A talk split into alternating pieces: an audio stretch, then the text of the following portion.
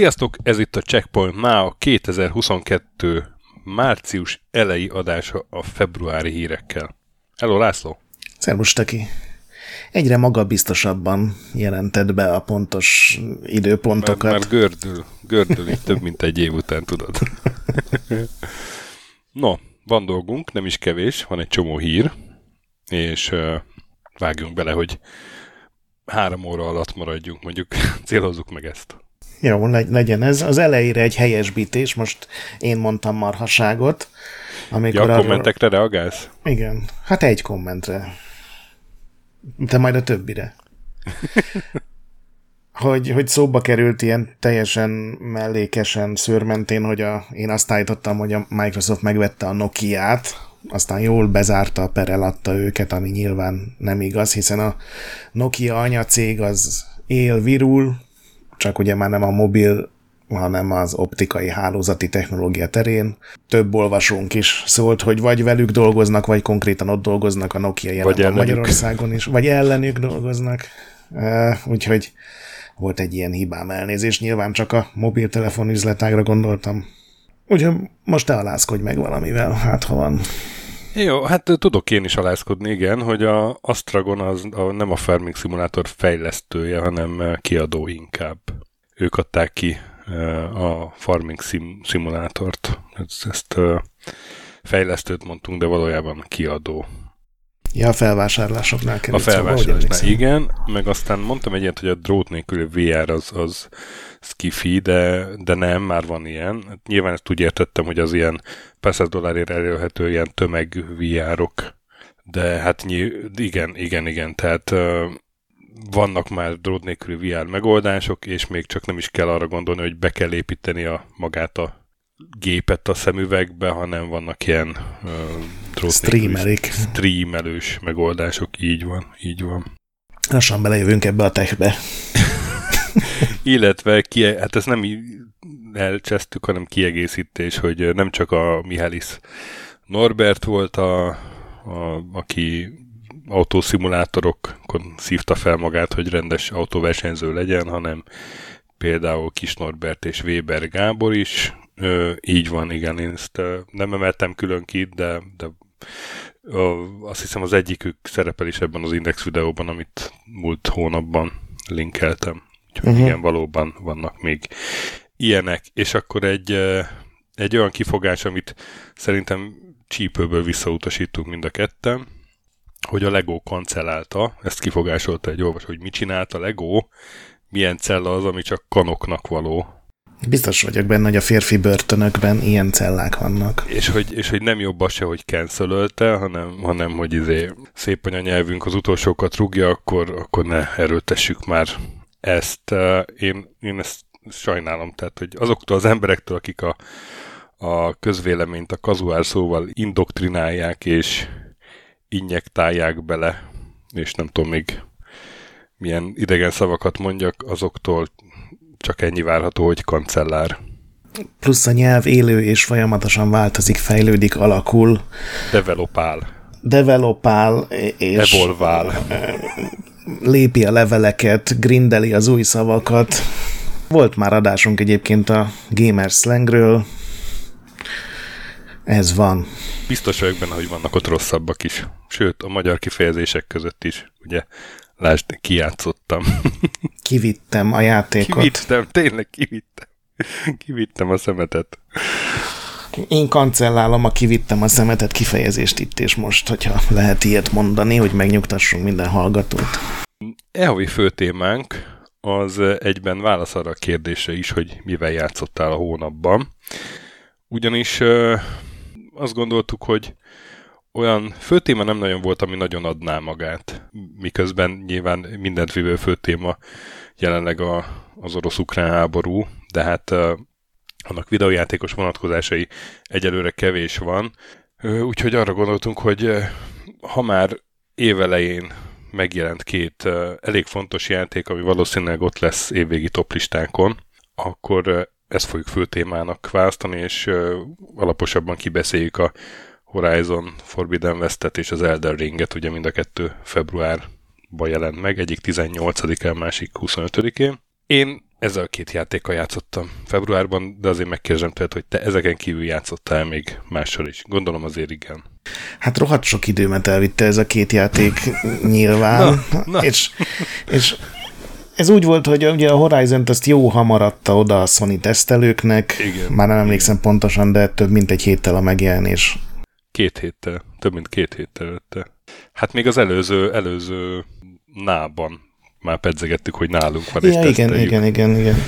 Úgyhogy abban sikerült nagyon sok időt beletenni, és aztán nagyjából, amikor élesedtek a tesztek, akkor érkezett meg az Elden Ring kód, és körülbelül azt hiszem két nappal az Elden Ring tesztek megjelenése előtt érkeztek meg a Gran Turismo kódok, úgyhogy ez a három játék, ez így figyelj, hát elég sok órámat, szerintem legalább így 150 órát összesen elvitt, ami így most, hogy belegondolok, rohadt sok. Úgyhogy azon kívül csak ilyen kisebb dolgok, mint például kipróbáltam a Cyberpunknak a Next Gen verzióját, végre megjelent, ugye én mondtam, hogy majd akkor, hogyha ez megjelenik, hát nem, nem kapott el. Úgyhogy ez a, ez, ezek voltak, de nálam is ez a két játék volt az, ami a legtöbb időt elvitte. Akkor térjünk rá a fő témára. Hm? Hogy tetszenek a Hori, meg az Eldi?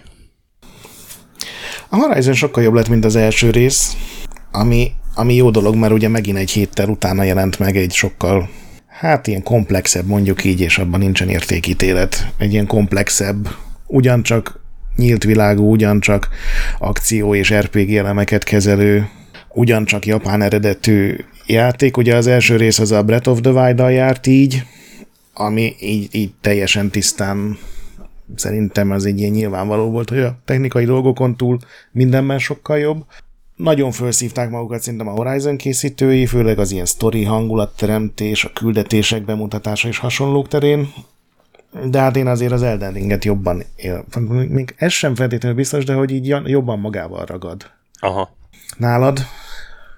Mi a, a, a, a reláció? fordított kicsit, de de azt én így hozzátenném, hogy, hogy nálam kicsit azért olyan az hitu, mint hogy a molekuláris gasztronómiának valami nagyon finom ingyensége versus egy rohadt jó burger. tömegétel, igen, vagy, vagy a, a legfinomabb burger, vagy a, egy nagyon jól megcsinált pizza, igen, és én, én nem akarok választani, mert az egyiket azt nagyon szívesen eszem, akár sokszor is, a másikat meg csak egy helyről tudom megkapni, és az meg nem, nem tudom, tehát hogy nem akarok választani a De kettő tetszik között. neked is az Elden Ring? Mert te nem voltál egy ilyen nagy Dark Souls fan az emlékeim szerint. Nem voltam, de a, a Bloodborne-nal engem elkapott a műfaj. Azt szerintem erről már beszéltem párszor, uh-huh. és uh, aztán kipróbáltam a Dark Souls 3-at is, és uh, olyan értelemben lepattantam mind a kettőről, hogy egyiket se játszottam végig, de, de próbálkoztam velük keményen, és, és nagyon uh, tetszik igazából, csak részben az egy időhiány is van. Igen. Mert, hogy, hogy egyszerűen sajnálom az időt rá, hogy uh, belegyilkoljak nem tudom hány hétvégét, hogy uh, mondjuk háromszor, három bosszon tovább is tudod. Uh-huh. Azt érzem, hogy megcsinálható, hogyha nagyon gyakorlom, és uh, mondok egy meglepőt neked, mert te az szinte nem játszottad végig a, a Kena, uh-huh. hogy a Kenának uh, vannak bosszai, egy-kettő, ami, ami már ilyen izé, már ilyen enyhébb Dark Souls bossnak is elmenne akár szerintem. Igen, azt sokan mondták, hogy főleg az utolsó boss, aminek ilyen sok fázisa van, az ilyen nagyon durva tud lenni a Kenában. Szerint, szerintem az még, még könnyű is így normál fokozaton, amúgy előtte van egy előtte van három. Uh-huh. Azok, azok engem nagyon megízasztottak, és és ott, uh, ugye, hogy az egész játékban csak három ilyen nehéz boss volt, ott, ott azért megcsináltam azt, hogy, hogy nagyon kitapasztaltam őket, és tudod, az elején, amikor még így lehetetlennek tűnik, mert, mert három csapással lecsap, és te meg sevesztél rajta négy pixelt a életerőből, uh-huh. és akkor így ez lehetetlen, azt gondolod, és akkor kitapasztalod, és akkor már felét lesebzed, akkor meg már harm, két harmadát lesebzed, mire ő megöl, és, és akkor már annyira benne van a, a kezed, meg, meg az előjelek tudod, hogy, hogyha így animál, az azt jelenti, hogy rohamozni fog, akkor gyorsan ugrani kell. Mert amikor rohamoz, akkor már késő az ugrás, és akkor az összes rohadt mozdulatát ki kellett tanulni, meg annak az ellenszerét is. És, recept. Hogy? Ez ilyen teljesen Dark Souls recept, Ugye? ez Igen, a igen, igen. előkészítő Nekem- animációk, meg minden. Tehát annyi az, azért játszottam a ezekkel a bloodborne meg mondom, de bloodborne is azért nem tudom, 7-8 boss szerintem lenyírtam, hogy, mármint ilyen nagyobbakat, hogy, hogy nem véletlenül jutott eszembe, és, és a Kenába meghoztam ezt az áldozatot, hogy jó, akkor van három ilyen bazi nehéz szörny, igazából az utolsó az nekem nem is volt már annyira nehéz, és akkor így azt mondtam, hogy jó, hát igazából képes vagyok erre, de, de az nekem kicsit tömény, amikor az egész játék erről szól tulajdonképpen. És én nagyon értékelem, hogy, hogy a nehézséggel együtt jár az, hogy, hogy óriási élmény, amikor sikerül, és a Kenába is, amikor végre azt a rohadt corrupted, corrupt taró, vagy mi a neve az egyik ilyen szörnynek, mindegyik valamilyen korrupt, korrupt, uh-huh. taró, korrupt, valami három, három karakter, akiket így megront a rontás, és, és amikor azokat sikerült legyőzni, hát az, az nagyobb élmény volt, mint végvinni a játékot, tehát az utolsó nagy Mhm. boss fight, mert, mert egyszerűen nagyobb teljesítménynek éreztem.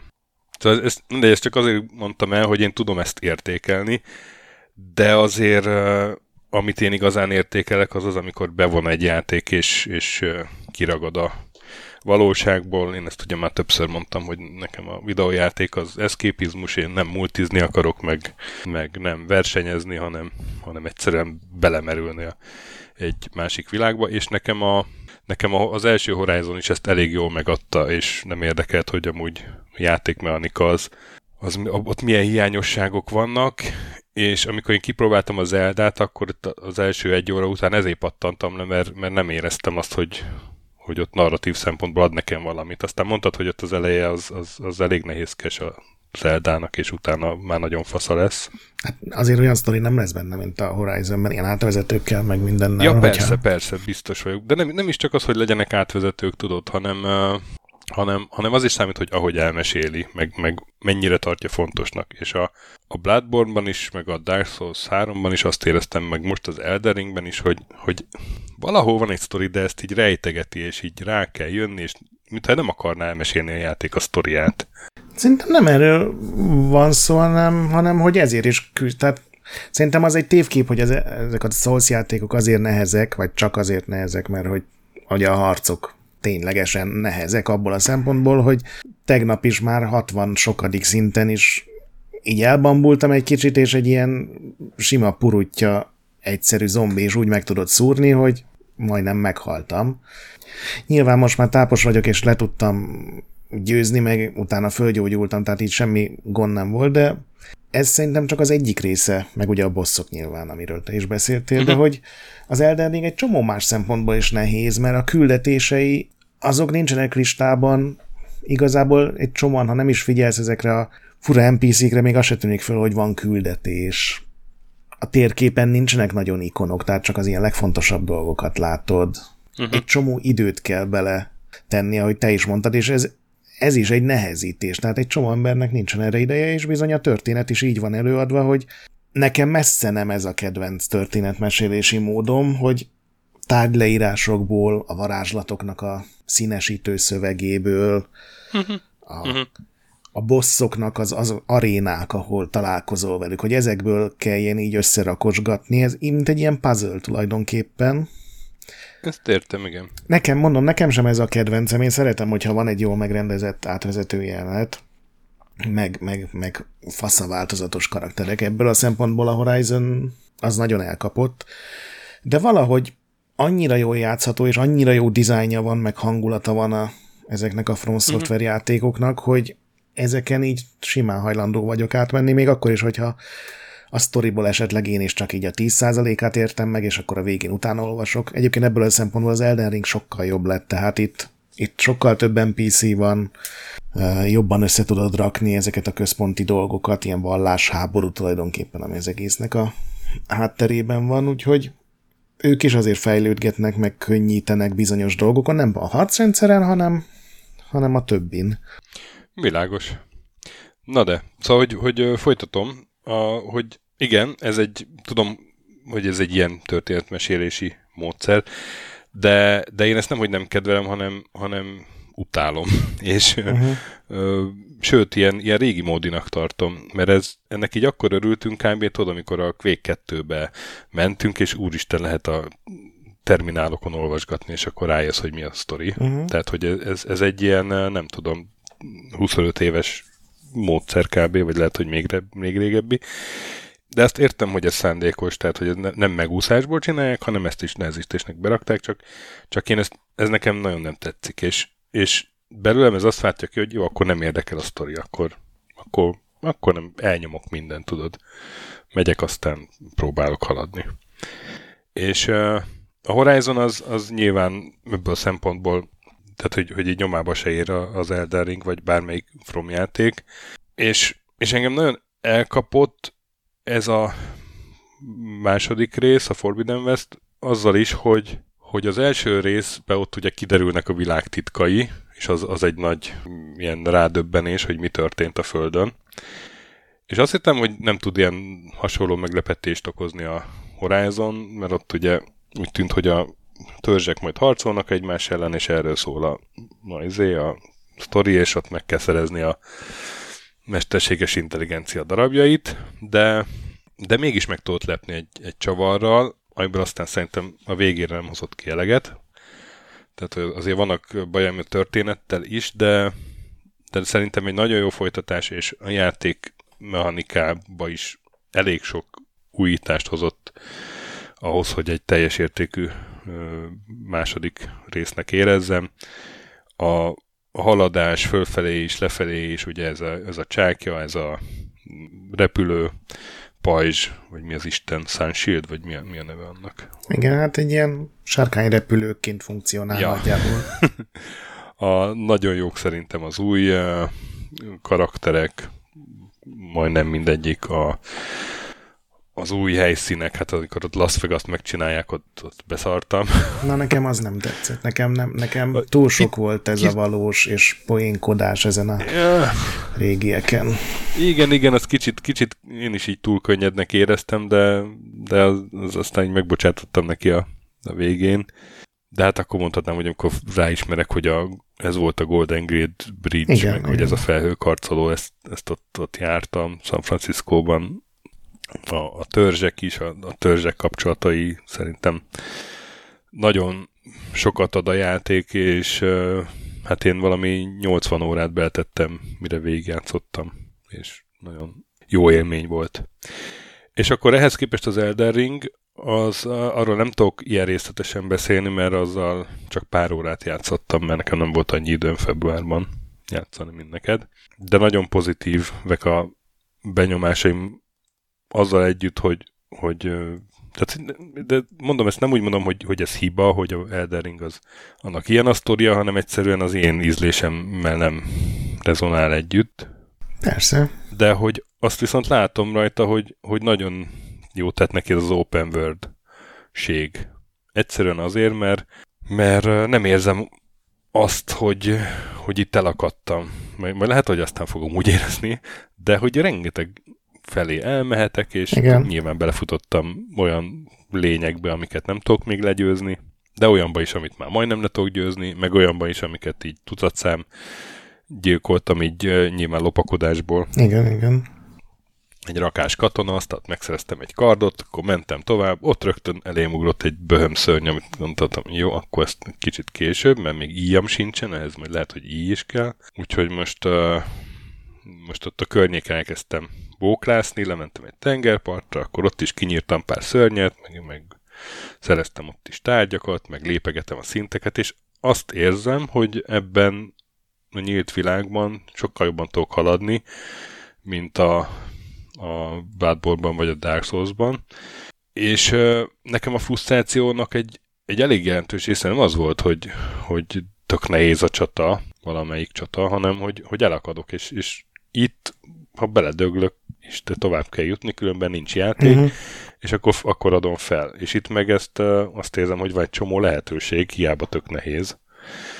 És Igen. tudod, az, az illúzió, hogy előbb-utóbb meg fogom tudni csinálni, az, az azért az még bőven megvan. Aztán mondom, lehet, hogy sokkal több órát belerakok, akkor eljutok valami olyan üzé, töltsérhez, ahol, ahol mindenképp át kéne jutnom a másik oldalra. Hát a, a világfölépítés az itt is úgy megy, hogy van néhány dolog, amivel az új zónák megnyílnak. Tehát, hogyha egy átjáró igen, van igen, erre gondolok, igen. következő területre, és az egy bossnak a szobáján megy keresztül, akkor azt meg kell. De mielőtt oda eljutsz, úgymond felkészülés gyanánt tényleg iszonyatos mennyiségű, ilyen pici dungeonök, bányák, elsüllyedt templomok. Nekem ezek az ilyen old school szerepjátékok jutottak eszembe, teljesen az a Aha, kicsit, dolog, hogy kicsit, kicsit.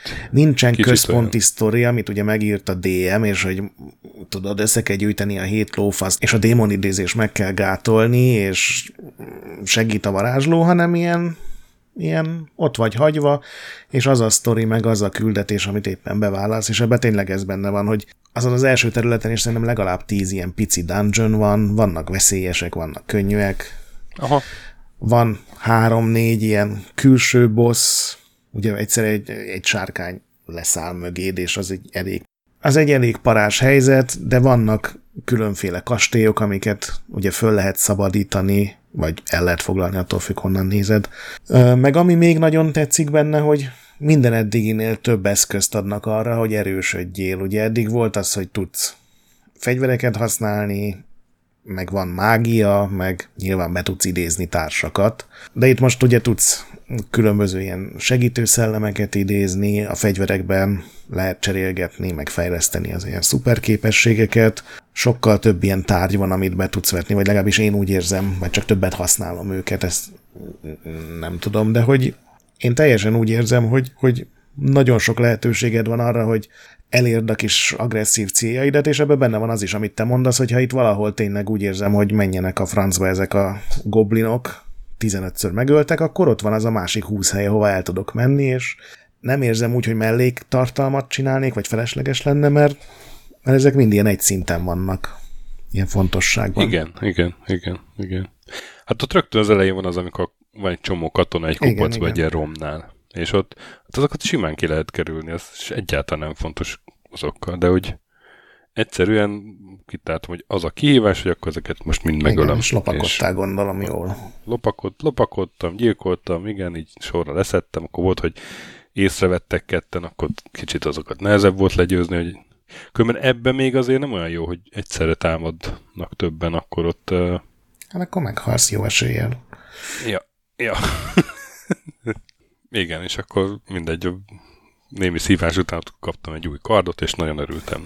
Igen, valahogy nekem az jutott eszembe, mert pont az Assassin's Creed-del így ugye sokan összevetették, mert néhány dologban nyilván hasonlítanak, Hí. mint nyílt világú akciójáték fejlődéssel, hogy az Assassin's Creed úgy van megcsinálva, hogy gyakorlatilag minden helyzetben győzni tudsz, mert annyira tápos a védekezés, meg az ellentámadása. Elden Ringnél meg azt érzem, hogy minden helyzetre ki tudsz találni egy-két olyan megoldást, amit akár, hogyha jól megcsinálod, győzelemre is vezethet, de hogy nem úgy van fölépítve a játék, hogy bármilyen pillanatból engedne győzelmet, mert itt igenis vannak ilyen kisebb következmények, ami ugye csak az, hogy visszakerülsz a legutóbbi tábortűzhöz, meg adott esetben elveszítesz egy kis XP-t vagy pénzt, attól függ, hogy nézed ezeket a rúnákat, de nekem tetszik, és egyébként a Horizon is tetszett, csak ahogy mondtad, az egy ilyen, ilyen mainstream dolog, ilyen, tudod, ilyen gyönyörűen le van csiszolva minden, ami így kiállna belőle, nincsen egyetlen frusztráló pillanata sem.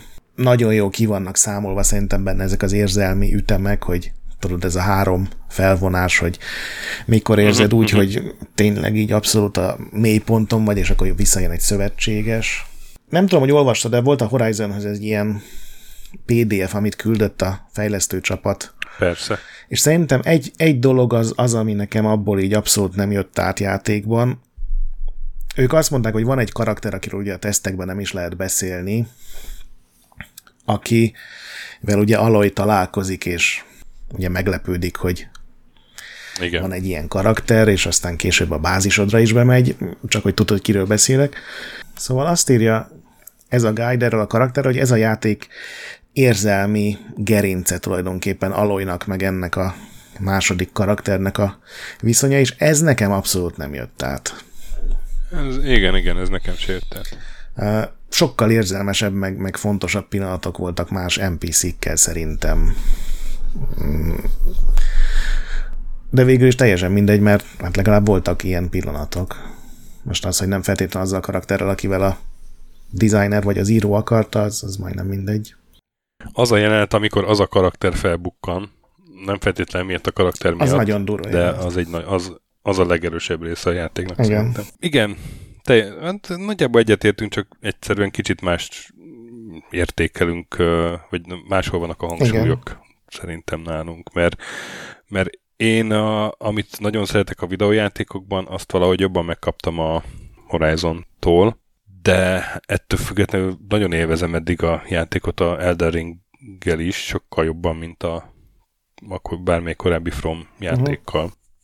És egyébként a Forbidden West is sokkal jobban tetszik, mint bármelyik korábbi gerilla játék. Igen, jól sikerült mind a kettő szerintem, kivéve ugye az Elden Ring PC-n, amit sokan szidnak. Ja, azt, azt igen, igen, azt uh, PS5-ön játszottunk ugye mind a kettővel. Uh, igen, és uh, nem, tehát, hogy egyszerűen az egyik ezért jó, a másik azért jó. Ki, kinek mi áll közelebb a szívéhez. Körülbelül. Igen, ez, A- Az, az mondjuk meglepődtem, hogy a user score az, az jó, mondjuk azt, azt minek nézem eleve, de hogy a Metacritic mennyire lejjebb van a, a Elden Ringnél, mint hát a, az a, az a PC-s verziónak a bajai az a miatt. PC-s aha. verziónak szól? Aha, aha. De például érdekes, hogy, a, hogy mennyire máshoz jeleníti meg ezt a nyílt világot, és a, a Horizon után a, a Elden Ringnek a nyílt világ az, az egyszer annyira kopárnak tűnt nekem, tudod, Mhm. így rögtön egyik nap még ezzel játszott, a másik nap azzal, és sokkal kevésbé élő. Nyilván az, az egy uh, ilyen horrorosabb, uh, direkt kopár világ, tehát hogy, hogy nem véletlenül nem népesítették be Nem, hát technikailag nyilván a kis nyomába ér- se tud érni. Hát most nem is technikailag értem, hanem egyszerűen hogy az, él, az élmény, tudod. És a, Horizonnál meg ott azt éreztem, hogy igen, itt vagyok a jövőben a Földön, és most itt ilyen állatok vannak, meg ilyen szörnyek. De hogy a, az Elden Ringnek ez a, a design, ez az idegenszerűsége, az, az viszont nagyon meg, meg uh, fogott Mhm. engem. Tudod, a rohadt nagy fénylőfa, ami mindenhonnan látszik, a, Bizarr szobrok. a szörny design, a szörny design az, az egyszerűen sen, senki nem tud olyan szörnyeket csinálni, uh-huh. mint a From. Hát nem tudom, lehet, hogy te tudod, hogy ki ez az ember, aki ezért felelős a Fromnál, hogy kitalálja ezeket a lényeket, de Azt hiszem a Dark Souls 3 kapcsán volt, hogy van egy csomó grafikus, és, és gyakorlatilag ilyen konceptartisztok, és gyakorlatilag egész nap azon versenyeznek, hogy melyik tudja a bizarrabb karaktert, a mi az akinak, aki ugye ennek az egész franchise-nak a fő designere megmutatni, és hát jó dolgoznak. Még az NPC-k között is van néhány ilyen kiborítóan groteszk alak. hát meg már, már a karakteralkotás, Igen. amikor egy karaktert kell választani, és egyszer csak ott egy csávó, egy, egy ilyen rabszolgaszerűség, egy, akinek a fejére van hegesztve uh-huh. egy, egy ilyen búvármaszk-szerű sisak. Igen. Meg a pap karakternek meg egy ilyen, tudom. ilyen fakerék van a, a nyaka köré Igen. szögezve. Igen, igen, igen. Szóval, hogy nagyon tetszik a, ez az egyedi zamata, Igen, tudod. ez a nagyon durva horror fantazi, vagy sötét fantazi. És hát nyilván a közelharc az, az sokkal jobb a Elden Ringben, mint a Horizon, mert a Horizonban a közelharc szerintem kifejezetten gyenge. Igen, A nem is nagyon fegy- használtam. Nem is nagyon távolsági fegyverekkel, viszont tök jó lehet, tehát ott meg jól meg van csinálva szerintem, de de hát ott meg annyira üdítő volt, hogy rendesen lehet kardozni, meg elugrani, meg, Mhm. meg uh, izé, perriz, jó, hát perrizni mondjuk azt nem tudom, Istenek nem bírok kitapasztalni. De most már például van ez a counter counter guard, vagy milyen technológia, ami gyakorlatilag szinte a perri, csak nem kell úgy időzíteni, tehát még ebben is kicsit Mikor könnyebb ki, lett. kivédesz, és aztán ütsz, vagy... Igen, kivédesz, és R2-vel azonnal egy kritikus be tudsz vinni. De, de ugyanakkor meg az animációja a karakternek az meg, uh, az meg nem tudom, tehát ahogy, ahogy fut meg ugrik, az, az kicsit olyan, az is olyan Hát a fejlesztőknél is máshol vagy- voltak a hangsúlyok egyébként ilyen szempontból. Szóval, hogy a, az Eloynak a, az a mozgás, az ott, ott, ott azt éreztem azt a, a földi fizikát, meg hogy jó, mondjuk egy-két ilyen kapaszkodásnál, felugrásnál kevésbé, de, Igen. De, de hogy az sokkal életszerűbb, mint ahogy ez a alap karaktert választottam, ez nem is tudom, Vagabond, vagy Vanguard, uh-huh. vagy melyik az első. Vagabond. Az mozog, az, az nem tudom, nagyon fura volt az is. Tehát nem, nem azt mondom, hogy rossz, hanem hogy az is annyira más. Igen, mindenben ezzel a kicsit kibillenteni a megszokottból, meg az egyen, a játékost, a, a, az ilyen már tudod, minden más játékban így működik valami, akkor egy kicsit azon csavarunk egyet, hogy, hogy essél attól a saját dugádba. Szóval én a magam részéről nagyon ajánlom a végigjátszás után a, a Horizon Forbidden West-et, és így az első, nem tudom, ilyen 6-7 órát tettem bele után, meg az Elden Ringet is, aztán hát majd egy hónap múlva beszámolok, hogy hova jutottam egy hónap alatt. Jó van. Szinte biztosak benne, hogy nem fogom végigjátszani egy hónap alatt. Őrületesen, elképzelhetetlenül rohadt nagy az a világ, és ugye azért lassabban haladni benne, mint a, a Horizonben, mind nyilván a sztori tekintetében, mind a, a, ténylegesen a világban. Ugye azért Aloy simán végig tudott futni az egész világon. Ilyen őrületesen. Hat nagy zóna van benne, és így hát így kis túlzással minden zóna menne egy, egy teljes játéknak is akár. Tehát így nem feltétlenül kéne szégyenkezni. De így, hogy hat zóna van, ez itt tényleg ilyen ilyen csak száz óra felett ilyen végigjátszásokról olvastam. Nyilván aztán egy fél év múlva már lesz olyan, hogy valaki öt óra alatt végigjátsza, tudod, mert pontosan tudja, hogy hol kell átugrani a falon, meg elhagy... Még fél év múlva meg banánnal. Igen, ja, amit csak a, izé, a, a fingásával irányít, mert már annyira mindent kitanul valaki. És te, te végigtoltad már különben, vagy még? Nem, nem, nem. Én ö, a teszt miatt nagyon rövid idő alatt kellett viszonylag sok időt belerakni, és ugye az a teszt az az az időszak volt, amikor ehhez a játékhoz is érkezett egy ilyen kis útmutató, amiben benne volt jó pár nagyon hasznos dolog, többek közt egy térkép is, de azért tudod, az teljesen más úgy játszani egy ilyen From Software játékkal, hogy kizárólag csak magadra tudsz.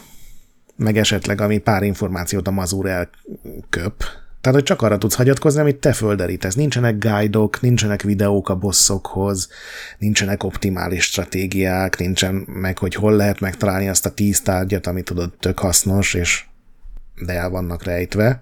És ez annyira tetszett, ez a fajta ilyen, ilyen segítség nélküli felfedezős dolog, annyira jó hangulata volt ennek, hogy azóta is így folytatom, de a Sasa már így, így megtalálta az optimális a guide alapján megtalált az optimális tápolóhelyeket, meg összegyűjtött pár fasz a tárgyat, úgyhogy simán utolért, most már szerintem lehet, hogy le is hagyott, mert Gran Turismoznom is kell. De hogy szerintem ez most nálam így jó pár hétig így fog menni, hogy, hogy, hogy magamtól próbálom megtalálni a dolgokat, és így tényleg el kell olvasni minden egyes rohadt tárgyleírást, főleg az ilyen fontosabb, tudom én, találsz egy térképet vagy levelet. Tényleg oda kell figyelni minden NPC-re, mert nagyon fontos információkat mondanak, ugyanazokat, amiket egy videóban mondjuk ugye ilyen magától értetődő elmond valaki, hogy hát nyilván a kék barlang baloldali folyosóján kell három percet várni háttal a nagykőnek. Úgyhogy ezt most így, így, így kiemelkedően élvezem ezt az ilyen buta játékot, hogy úgy mondjam, hogy így zéró külső információval dolgozom. Úgyhogy nagyon messze van még a végigjátszás. Aha, aha. Én, én az elején így olvasgattam a mindenféle leírásokat, aztán nem tudom, most így egyre jobban elengedem ezt. Főleg, hogy nem nagyon érzek benne Martint, ugye az elején George R. R. Martinnak a nevével. A világot, meg ezeket a karaktereket ő találta ki, aztán, hogy mit kezdett velük, nyilván a fejlesztő csapat, az egy más sztori, de ezt például a fát, azt elvileg ő találta ki, a tarnistokat, hogy eltűnt a királynő, és akkor a gyermekei azok, akik tulajdonképpen szétdarabolták a koronát, tehát ezek az ilyen alapdolgokat. Marika. Igen. Queen Marika. The Eternal. Az az intro, az annyira jó. Meg szoktam néha nézni, pedig általában mindig elnyomom másodszorra ezeket az intrókat. Meg ugye Margitot is ő találta ki az, ki az első nagy boss, és amikor tiszta vizet öntöttem a pofájába, akkor az egy nagyon jó érzés volt. Úgyhogy én is ajánlom egyébként mindkét játékot. Nyilván PC-n nem árt esetleg egy-két hónapot várni pár patchre. Én nem próbáltam PC-n, tehát nem tudom, hogy mennyire van eltúlozva, meg mennyire nincs eltúlozva. Nálunk a Discordon voltak olyanok, akik azt írták, hogy tényleg nagyon rosszul fut, úgyhogy gondolom ez megint ilyen emberenként, gépenként válogatja, hogy milyen lesz PC-n az élmény, reméljük megpecselik, és reméljük kevesebb idő alatt, mint ahogy a Cyberpunkot konzolon megpróbálták rendbe hozni. Jól indul az év, azt kell mondjam. Igen. Két szuper jó játék. Szerint én eléggé valószínűleg tartom, hogy mind a kettő ott lesz évvégén a top 10-ben. Hát ha nem lesz ott mindkettő a top 10-ben, akkor egy elképesztően jó évünk lesz, azt kell, hogy mondjam. Igen. Jó, akkor most térjünk, térjünk át a egy éve korábbi fő téma helyzetem. A, ugye most ezt bevezettük ezt a új adáselemet, de hát egy évvel ezelőtt a levédett játékelemekről beszéltünk. Igen, van egy olyan sejtésem, hogy akkor sem volt olyan téma, ami így azonnal adta volna magát, és, és főleg nem olyan, amiről egy év után így lehet beszélni, úgyhogy ott is kitaláltunk valamit az utolsó pillanatban, vagy... Hát ez, hogy nem, az nem egy olyan developing igen, az, azért. Tehát, az úgy hogy van. Azok, az úgy van, igen, igen, igen. És az az újdonság, hogyha éppen megszűnik valami patent határidő, vagy, vagy szabadalm, megszűnik valami szabadalmi korlátozás, szabadalmi jog, és akkor elkezdi mindenki használni azt. Igen, az IE jelentett be pár ilyet, nem rég Gyanítom, egyébként. hogy az, hogy az normális esetben bekerül majd a hírek közé, ha lesz valami jelentős. Úgyhogy egyéb kurrens hírek a hónapból, jó hírek is, rossz hírek is. Jó hír az, hogy lesz GTA 6. Rossz hír az, hogy ennyit tudunk bárki, róla. Bárki azt gondolta volna, hogy soha többet nem lesz új GTA. Rockstar megerősítette, hogy dolgoznak rajta. Hát én legkorábban 2024-re várom ezt egyébként. Hát de, legkorábban, igen. Tehát, hogy, hogy még jövőre se. De még az is lehet, hogy inkább 2025 lesz ebből, igen. Ezt 8 órával azért jelentették be, hogy a take ilyen pénzügyi jelentése volt, tehát biztos vagyok benne, hogy ez azért történt, hogy a részvényeknek adjon Aha. egy nagy löketet, vagy éppen, hogy megakadályozza, hogy csökkenjenek. Gőzöm sincs, hogy hogy változott a Tiktónak a részvényár folyama, de hát ez csak egy ilyen bejelentés, hogy igen, készül, srácok, majd, majd jövünk pár év múlva a részletekkel. Meg hát nyilván ezt szinte mindenki tudta, hogy lesz új GTA. Aztán a Nintendo Switch a legsikeresebb otthoni Nintendo konzol a életciklusának felénél körülbelül, ugye ezt így nagyjából, mond, nagyjából kalkulálhatjuk így. 103,5 millió eladásnál tart, amivel éppen felülmúlta februárban a Wii-t. Igen. Hát az, hogy a felénél tart, azt egyébként a, a Nintendo vezetője mondta, tehát az... Azt ő igen. mondta? Ja. Uh, amin ugye mindenki azt meg is lepődött. az egy ilyen újságíró okoskodás. Nem, nem, nem, meg is lepődött rajta mindenki, mert hogy még öt évig a Switch hardware köztünk lesz, az kicsit ilyen tehát az nem tűnik egy jó hírnek, hogyha 2026 körül még ezzel a Switch hardware kéne szenvedni, hiszen a legtöbb fejlesztő beleértve a Nintendo-t is azért már így eléggé csúcsra járatta ezt a gépet. Nem véletlenül volt ugye millió plegyka tőlünk is nyilván. Hát de még veszik, mint a cukrot. Ja, hát... Na, de a leg, legsikeresebb otthoni konzol, ugye azt nem véletlenül hangsúlyoztuk ki, mert ugye kézi konzolban a DS, DS család a 154 milliónál Igen. jár. Az all-time recorder pedig a picivel több a PlayStation 2 155 millióval. Igen. De, de ha még tényleg van jó pár év benne, akkor minimum meg fogja ezeket közelíteni. Tehát, hogy a legsikeresebb otthoni konzol ugye a PS2, és akkor a második helyen van a PS4 117 millióval, hát az biztosan. Hát azt szerintem jövő ilyenkor már azt, azt elérheti.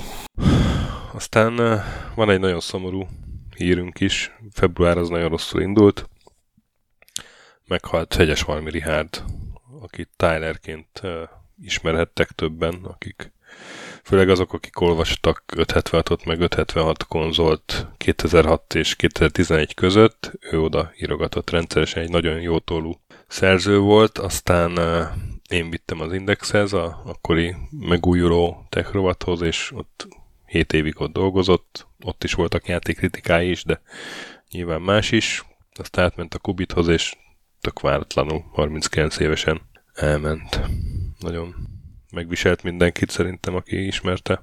Hát igen, főleg, hogy ilyen, ilyen teljesen váratlanul a semmiből, ami mindig ad egy ilyen plusz dolgot, hogy ez így hogy történhet. Én arra emlékszem, hogy Tyler volt a Reznek a legnagyobb, vagy egyik legnagyobb itthoni rajongója, és evangelistája. Igen. uh, és, és ilyen szega őrült volt teljesen. Igen, Sega örült volt. Meg, meg uh, ugye a japán cuccokat szerettek Igen. általában egyébként. Tehát nekem Nekem ő mutatta meg a Super Metroidot, például arra emlékszem, meg, meg egy-két ilyen klasszikus játékot. Az Zeldánál is valahogy ő magyarázta el, mert ugye sosem az volt, hogy új hülye vagy, hogy nem zeldázol. A Tyler meg így szép türelmesen elmondta, hogy de hát ez ezért jó volt, azért jó. Hát próbáld ki, aztán meglátod, tudod, úgy, Igen. így a maga csendes elemző módján. És uh, tudom, hogy uh, ebben nem feltétlenül értünk egyet, vagy hát legalábbis nem tudom, Hancóval például vitatkoztam meg ilyenekről, hogy én nagyon szeretem azt, amikor, amikor uh, úgy ér valaki játékokról, hogy, hogy nagyon nem játékmagazinosan. Tehát, hogy nem érdekli azt, hogy hány frame megy a grafika, meg hogy milyen a fejlődési rendszer, hanem egyszerűen, hogy tetszik neki a játék, vagy nem, és ezt nagyon szellemesen megfogalmazza. Hát ha kritikáról van szó, tehát teszt, ami ott én nem szeretem, hogyha valaki blogot ír. Volt néhány ilyen legendás, amikor valaki egy, egy magyar újságban a Medal of Honor cikkben a saját novellájából idézett, vagy amikor az egész Aha. cikk arról szól, hogy a hogy ment el a lemezért, utána hogy ment haza a villamoson, áthívta a haverjait, minden sírta magát a Gran Turismo intróján. Én ezeket nem szeretem. Jó, ezt lehet jól is, meg rosszul is csinálni. Nem tudom, a, régen az Indexen a, a volt kollégám, a Mikes, ő, ő írt a Sims 3-ra, és tehát az egy teszt volt, egy kritika arról szólt, hogy milyen a játék, de mondjuk az volt a címe, hogy a Sims 3 a sátán műve. Ilyen címet valószínűleg egy játéklapban nem olvashattál volna. Hát nem, mert nálunk nincsen ilyen kattintásvadászat, vagy legalábbis a printben nem és... volt. de megmagyarázta, hogy ő miért így gondolja, és nem tudom, én, én nagyon szerettem ezeket a, ezeket a próbálkozásokat, ha, hogyha jól csinálták, és na mindegy, azért jutott eszembe, mert a, a Tyler szerintem ezt nagyon jól csinálta, és én nagyon szerettem, amikor ő írt játékról, mert azt tudtam, hogy az, az, az nem olyan lesz, mint amúgy, amit írt volna az 576-ba, vagy az 576 konzolba, mert ő mert azért látta, hogy meddig tartanak a keretek, aztán megpróbált elmenni addig és például az Assassin's Creed 4-ről a, nekem nagyon emlékezetes volt az írása, amit végig úgy írt meg, hogy ha a Ubisoft CEO-ja lennék, akkor én hogyan csinálnám meg a Assassin's Creed 4-et. Végig minden másik bekezdés így kezdődik, hogy ha a Ubisoft CEO-ja lennék. De arról szól egyébként, hogy milyen a játék. Értem. Csak uh, egy teljesen más megközelítésben, és uh, nem tudom, ő ennek mestere tudott lenni. Én jobban szerettem, amikor az Indexnél nem játékokról írt. Én tudom, mondtam, hogy valószínűleg nem értünk ebben egyet, de hát ő írtam úgy sok mindenről. Igen, meg amikor hagyományos játékcikket kellett írnia, akkor azokat tök jól megírta. Valószínűleg azt nem élvezte ő maga annyira, de én rákényszerítettem gonosz módon, amiért mindenféle változatos módokon át bosszút. Amikor például ugye megérkezett a V-Music, amivel ugye ezzel a V-mód kontrollerrel kellett így eljátszani 70 féle mindenféle hangszert, és én azt így az első pillanattól kezdve utáltam. És akkor körülbelül két hónapig így akárhányszor találkoztunk, a legnagyobb V-Music őrültnek és rajongónak tettette magát, és csak azért volt, hogy bejött a szerkesztőségbe, hogy leüljön a kanapéra, és a V-Musicot bömböltesse a leghülyébb hangszer kombinációkkal. Jaj. Igen, ezt, tettem, ezt látom magam előtt. Ja, szóval nagyon fog hiányozni Tyler. Menjünk tovább más magyar vonatkozású híre. Primal Game Studio ex Black Hole-osok ugye voltak nálunk pár évvel ezelőtt. Készül egy játékuk, a Mandragora című, egy ilyen oldalnézetes, hát akció RPG-nek van írva a Steam-en, de kicsit azért ilyen... Metroidra hasonlító ilyen Metroidra, ugye? Ugye arra, arra emlékeztet, de hát harc is van, meg fejlődés is, megjelenési dátuma még nincs, viszont nagyon jól néz ki, nekem nagyon tetszett. Igen, ez a... is ilyen sötét fantazi, de úgy tűnik, hogy megvan a saját stílusa. Pont, igen, abszolút igazad. Tehát, hogy nem, nem akar ez utánozni semmit, miközben eszedbe jut róla egy csomó játék, de ahogy kinéz, az meg... A Steam által összeállított ilyen hasonló játékok lista ott benne van a Hollow Knight is, meg a Dead Cells is, tehát valami ezektől vérhetően majd a végleges nem áll iszonyatosan nagyon messze. Az első... A Hollow éjszakája? Tessék? A holló éjszakája? A holló night? Ja, ja. Mindig, mindig elfelejtem, hogy, hogy van neked egy ilyen sötét éned, és aztán előjön a Hyde. Már nem is tudom, mit mondtam, ugorjunk, az meg, mert megölted a lelkesedést, a lendületet. Aztán 2023 2023-ban nem lesz Call of Duty, vagyis jövőre.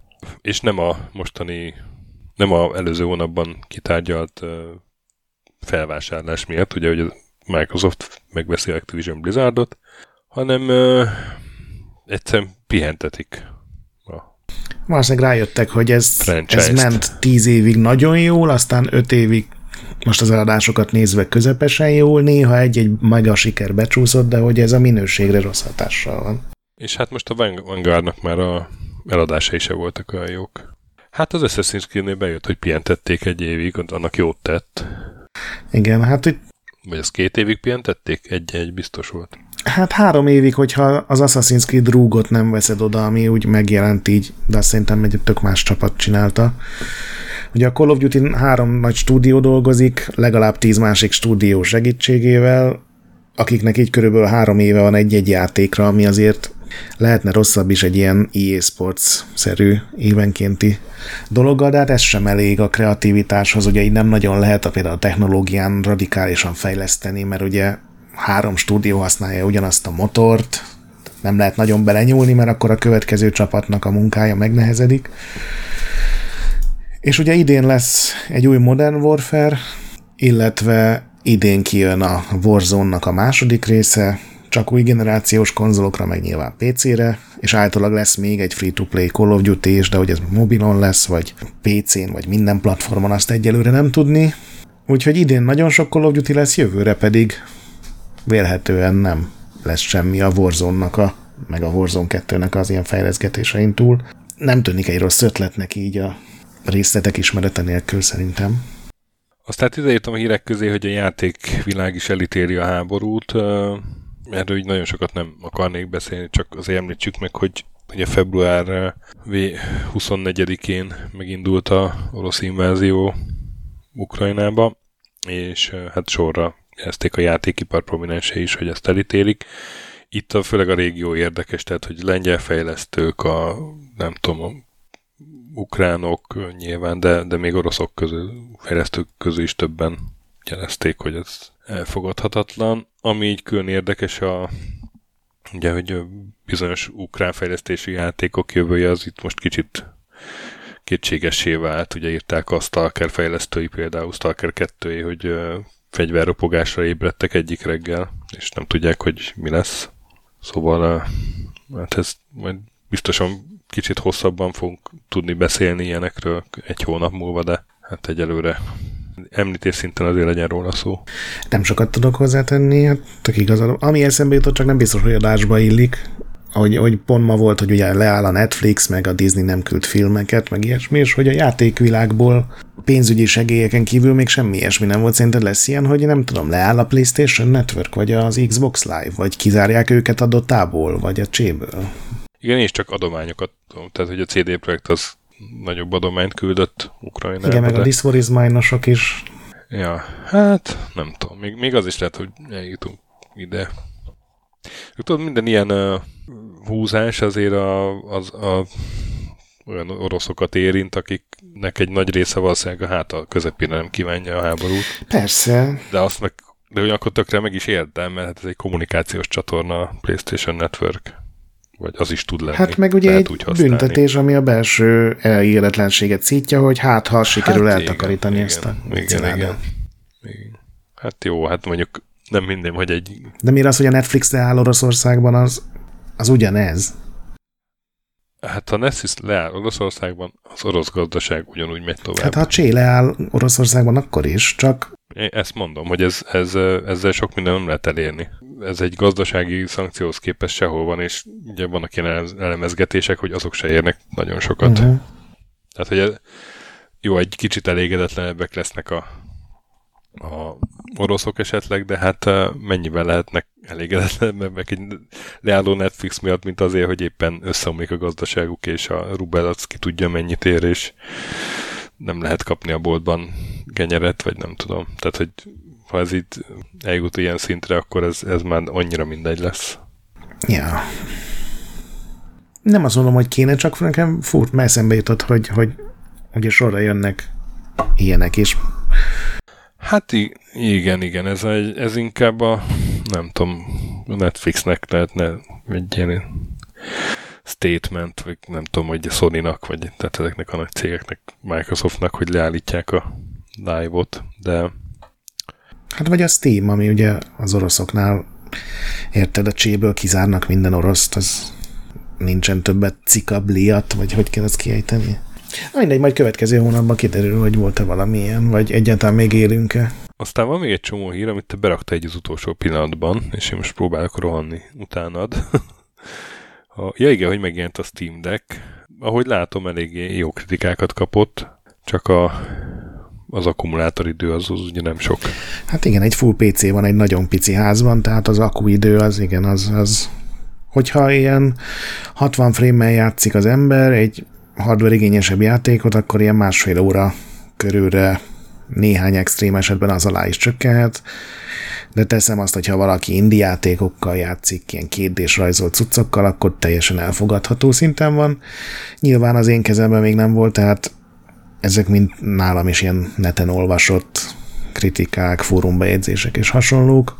A Valve közölte ugye a megjelenés kapcsán így volt néhány nyilatkozat, előjöttek a barlangjukból, és akkor egyrészt közölték, hogy az NFT-k nagy része az ők úgy veszik részt, hogy illegális dolgokhoz kapcsolódik, hogy aki metaverzről beszél, azoknak a nagy része nem tudja, hogy miről beszél, illetve, hogy ők úgy kezelik, hogy a Steam Deck az egy ilyen tartós dolog lesz, úgyhogy már készül a Steam Deck 2 koncepció, Ugye ez nem csak azt jelenti feltétlenül, hogy erősebb hardware lesz benne, hanem új funkciók, a, nem tudom, a mobilnettől kezdve egy csomó ötlet fölmerült ugye mindenkiben, hogy még hogy lehetne jobbá tenni. Gondolom, ha sikeres, és már csak az előrendelési számok is erre mutatnak, akkor ez egy ilyen tartós dolog lesz, hogy van egy ilyen Steam Deck. Aztán FIFA és IE fejlemények. Ugye erről beszéltünk valamelyik tavalyi náuban, hogy a, a FIFA-nak lejár a a licensze az IE-nél, és meg kéne újítani, és nagyon nem értettek egyet. Mi most a fejlemény ebben, kedves László? Hát ugye a, a, a, FIFA licensz az mindig négy évre van kötve, ez ugye VB-től VB-ig az adott év végéig, tehát az idei rész az 99 százalék, hogy az még FIFA 23 néven fog megjelenni, meg ugye van a, a VB is, gondolom azzal is fognak valamit csinálni, és ugye azért került ez szóba, mert a FIFA az talán meg a díjat, amit akarnak kérni valami. Most nem emlékszem, de ilyen nagyon-nagyon sok pénz, kettő vagy négy milliárd dollárra növekedett, és az IES nyilván egész felháborodtak, hogy hogy mer valaki sokkal több pénzt kérni, mint négy évekért, ami nyilván fura, másrészt meg elkezdtek matekozni, hogy mennyit is ér nekünk ez a FIFA licensz, és nagyon úgy néz ki, hogy arra jutnak, hogy kevesebbet, mint amit a FIFA kérne érte, sőt, az új fejlemény az az, hogy kijöttek konkrétumok, hogy mi a baja az IE-nek. És az nyilván ebből az derült ki, hogy az egész a pénzről szól, hogy a FIFA nem engedett olyan monetizációs dolgokat, amiket az IE szeretett volna, amiben nem feltétlenül nyilván nem azzal jönnek elő, ami a leggonoszabb és legkizsákmányolóbb, hanem például olyannal, hogy szerették volna, hogyha az ilyen válogatottnak, a, vagy a csapatoknak a ruháit kicsit át lehet szabni, de állítólag a FIFA-nak az Adidas-szal van valami szerződése, és ezért az Adidasos ruhákat nem lehet például a Nike ruhákra lecserélni, pedig ha bekerülhettek volna a FIFA-nak bizonyos részeire, ez volt a konkrét példa, amit ez az Andrew Wilson fői és előhozott. Tehát tulajdonképpen azt mondta, hogy a FIFA-nak egy haszna van azon kívül, hogy ez a brand név és 30 éve így ismeri mindenki a sorozatot, hogy hogy a világbajnokságok azok az ő jogaik. Ugye beszéltünk róla, hogy a stadionok, a játékosok neve, kinézete, a csapatmezek és hasonlók, az nem a FIFA-nak a jogai. A FIFA az úgy fejlődött, ki, hogy tulajdonképpen csak az általa rendezett versenyek jogai felett tud rendelkezni. Az összes többi az más ilyen szervezeteknél van, akikkel az IE meg tudott egyezni a jövőre nézre is, úgyhogy most így feketén-fehéren kijött, hogy ez az egész arról szólt, hogy a, a FIFA megvétózott néhány ilyen pénzszerzési tervet, amit az IE szeretett volna bevezetni, és ezért a FIFA egy ilyen koloncá vált. De azt mondta az Andrew Wilson, hogy még nem dölt el semmi, még elég sok idő van, ugye a jövő év végé a FIFA 24 lehet az, aminek EA Sports Football Club ugye az a név, amit levédettek, ami szerintem kicsit hát nem olyan jól hangzó, mint a FIFA, de hát ugye a FIFA ezért is kér sok pénzt, mert ez az átbrendelés azért nem egy olcsó dolog. És nagyjából ez a hír ez erről szólt. Én nekem kicsit az érzésem van, hogy itt minden pofolyó helyre megy egyébként. De... Amikor Biztos... két surma összevelekszik a kerten, és így vidáman nézed a teraszról. Nyilván ez egy kicsit cinikus reakció, de hát Igen. legyen. Aztán jól halad a Skull and Bones fejlesztése. Jól, remekül. Nem hallottam. Remekül. Nem, nem hittem volna, hogy ilyen hírt fogok olvasni én 2022 elején, de hát a Ubisoft ugye, ezt is egy régi adásban beszéltük, hogy kénytelen lesz csinálni egy Skull Bones játékot, mert szerződés kötelezi Igen. Szingapúrral, vagy valami hasonló, és hát most bejelentette befektetői meetingen, befektetőknek, hogy, hogy jól halad, remekül halad, és a következő egy évben meg is jelenhet, ha nem csúszik el, ami azt jelenti, hogy jövő márciusig. Igen. Ha csak el nem csúszik. Ha csak el nem csúszik. De hát miért csúszna el, amikor uh, remekül haladnak? Így, így van. Ugye az is kiderült, hogy a negyedik kreatív gárdát eszi a játék. Azt hiszem két éve ment el a legutóbbi ilyen kreatív director. Ez ugye az a játék, amit Assassin's Creed 4 DLC-nek terveztek. Ugye abban volt először ilyen tök jó hajózós dolog, és akkor arra épült volna egy ilyen kooperatív hajókázós DLC, és akkor valaki kitalálta, hogy ez legyen teljes játék. Ez 2013-ban volt, és azóta próbálják kiadni, azóta eltűnt pár konzolgeneráció, aminél ugye megint mindig újra kell tervezgetni dolgokat, de most remekül halad a Skull Bones fejlesztése. Aztán a Stadia, hát erről is régen hallottunk, és nem tudom, hogy mennyit fogunk hallani még róla, mert most az a hír, hogy hát a Google kicsit parkolópályára tette ezt így a belső fejlesztések között. Igen, hát pontosabban ugye átpozícionálják arra, hogy másoknak Igen. bérbe adják, ami azt jelenti, hogy például az AT&T és a Warner Bros. kötöttek egy szerződést egymással, amiben ilyen mindenféle Batmanhez kapcsolódó rengeteg média dolog volt benne, és ennek keretében az AT&T fizet a Google-nek azért, hogy a Stadia technológiát használva, de a saját oldalán keresztül a Batman Arkham Knight-ot lehessen böngészőkben streamelni. Tehát a, aki ezt kipróbálja ezt a lehetőséget, nyilván ez csak Amerikában ér el, tehát ez nem ránk vonatkozik, az az AT&T oldalán előfizetőként ingyenesen tud böngészőben játszani. A Stadia név föl sem tűnik, ennek nincsen semmi köze magához a a Stadia szolgáltatáshoz, azon túl, hogy a technológiát így bérbe adják, és kijöttek olyan belső jelentések, ezek nem hivatalos dolgok, hanem tudod, ez a magát megnevezni nem kívánó fejlesztők, akik elmondják a dolgokat, és ez a Business Insideren volt, tehát nem egy ilyen random játékújságban, hogy, hogy a Google az így erre pozícionálja át a, a stadiát, a szerverparkokat. Nagyon régen nem beszélt a Google így a Stadia tényleges fejlesztéséről, bővítéséről, a, akár a szerverparkról legyen szó, akár hogy melyik országban érhető el legálisan. Viszont az előfizetők továbbra is kapják a ingyenes játékokat, tehát a szolgáltatás még ilyen szempontból létezik és él és működik. Csak valószínűleg céges szinten már nem ez a stadia értelme, hanem ez a kölcsönadjuk másoknak a technológiát, vagy hát eladjuk. Aztán az Nvidia-t egy elég nagy kibertámadás érte. Ez egészen friss hír, tehát most március 1-én veszük fel ezt az adást, és ez február 28-án is tegnap történt, vagy tegnapi hír. Úgyhogy a következmények még nem pont ismertek, de egy nagyon komoly és átfogó támadást érte a céget. Igen, úgy néz ki, hogy ez február 26-án történt. Senki nem tudja még, hogy ez ki volt, nyilván azonnal fölröppentek dolgok, hogy köze van az ukrán-orosz háborúhoz, de én nem hiszem, hogy ebben a helyzetben bárki is azzal foglalkozna, hogy az Nvidia-nak az e-mail rendszerét, meg fejlesztői rendszerét megbénítja, de hát nyilván nem is értek hozzá, hogy ez kinek állhat érdekében, de gyakorlatilag az Nvidia két napja, most ahogy fölveszünk már három napja, egyszerűen nem működik.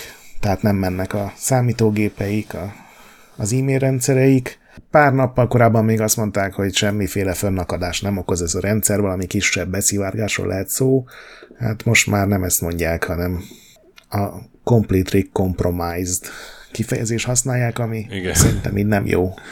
Nem jó hangzik. Aztán a fizikai Tokyo Game Show lesz idén, írod. Én nagyon remélem, hogy lesz egy orvosi, meg egy kémiai Tokyo Game Show is.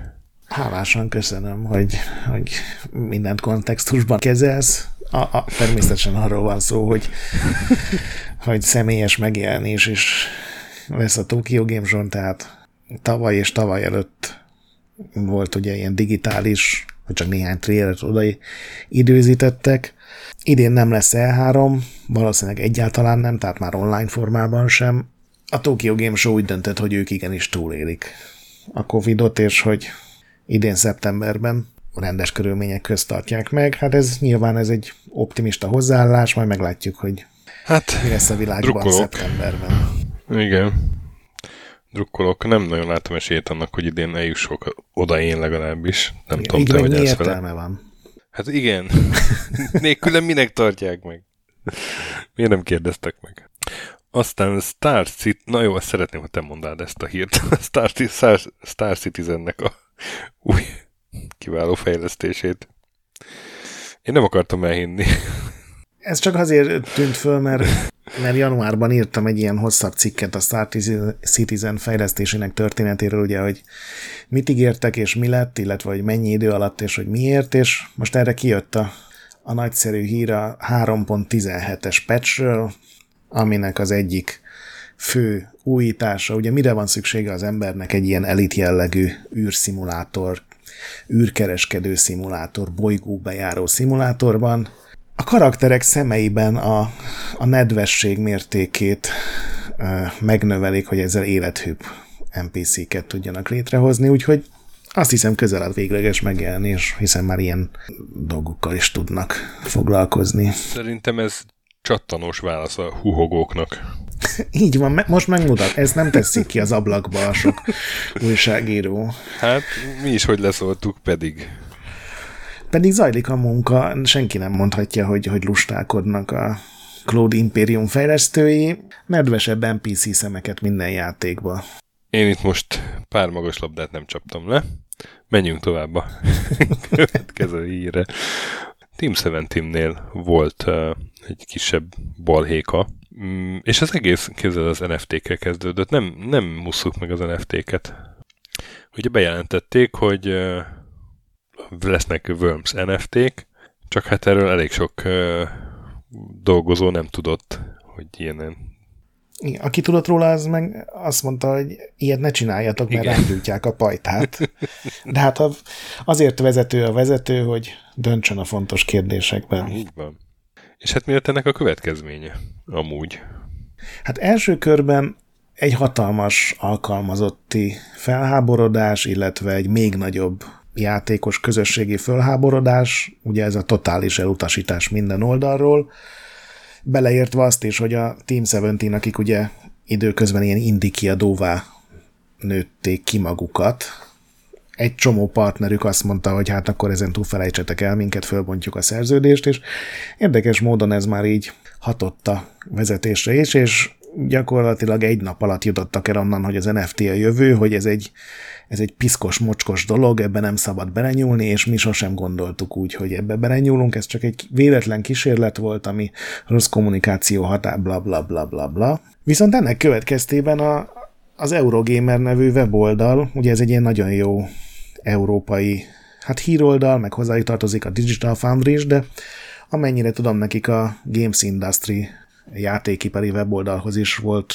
vagy van csomó kötöttségük, és egy nagyon sok ilyen témájú cikket is írnak.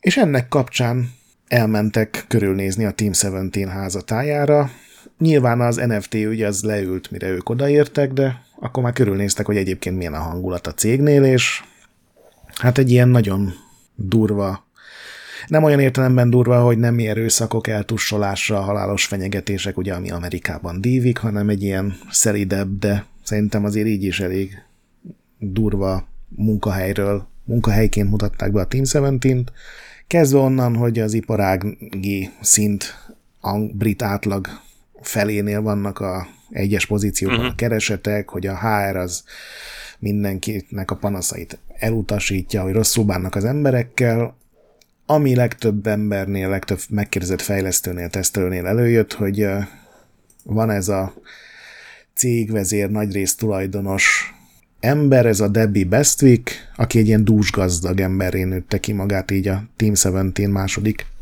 szárnyalása során, és hogy egyrészt neki van egy ilyen szokása, hogy bejön és elkezd dicsekedni a nagyon sok pénzével, meg jachtjával, meg vakációjával az alulfizetett alkalmazottainak, ami már szerintem egy kiadós verésre feljogosítja az embert, de a legdurvább, hogy velük, tehát az alkalmaz, a, játékfejlesztő alkalmazottakkal csomagoltatta be a családjának szánt karácsonyi ajándékokat a, az ügyvezető, ami szerintem már az a kategória, ahol, ahol így, így rácsapsz az asztalra, hogy azért ez már nem kéne.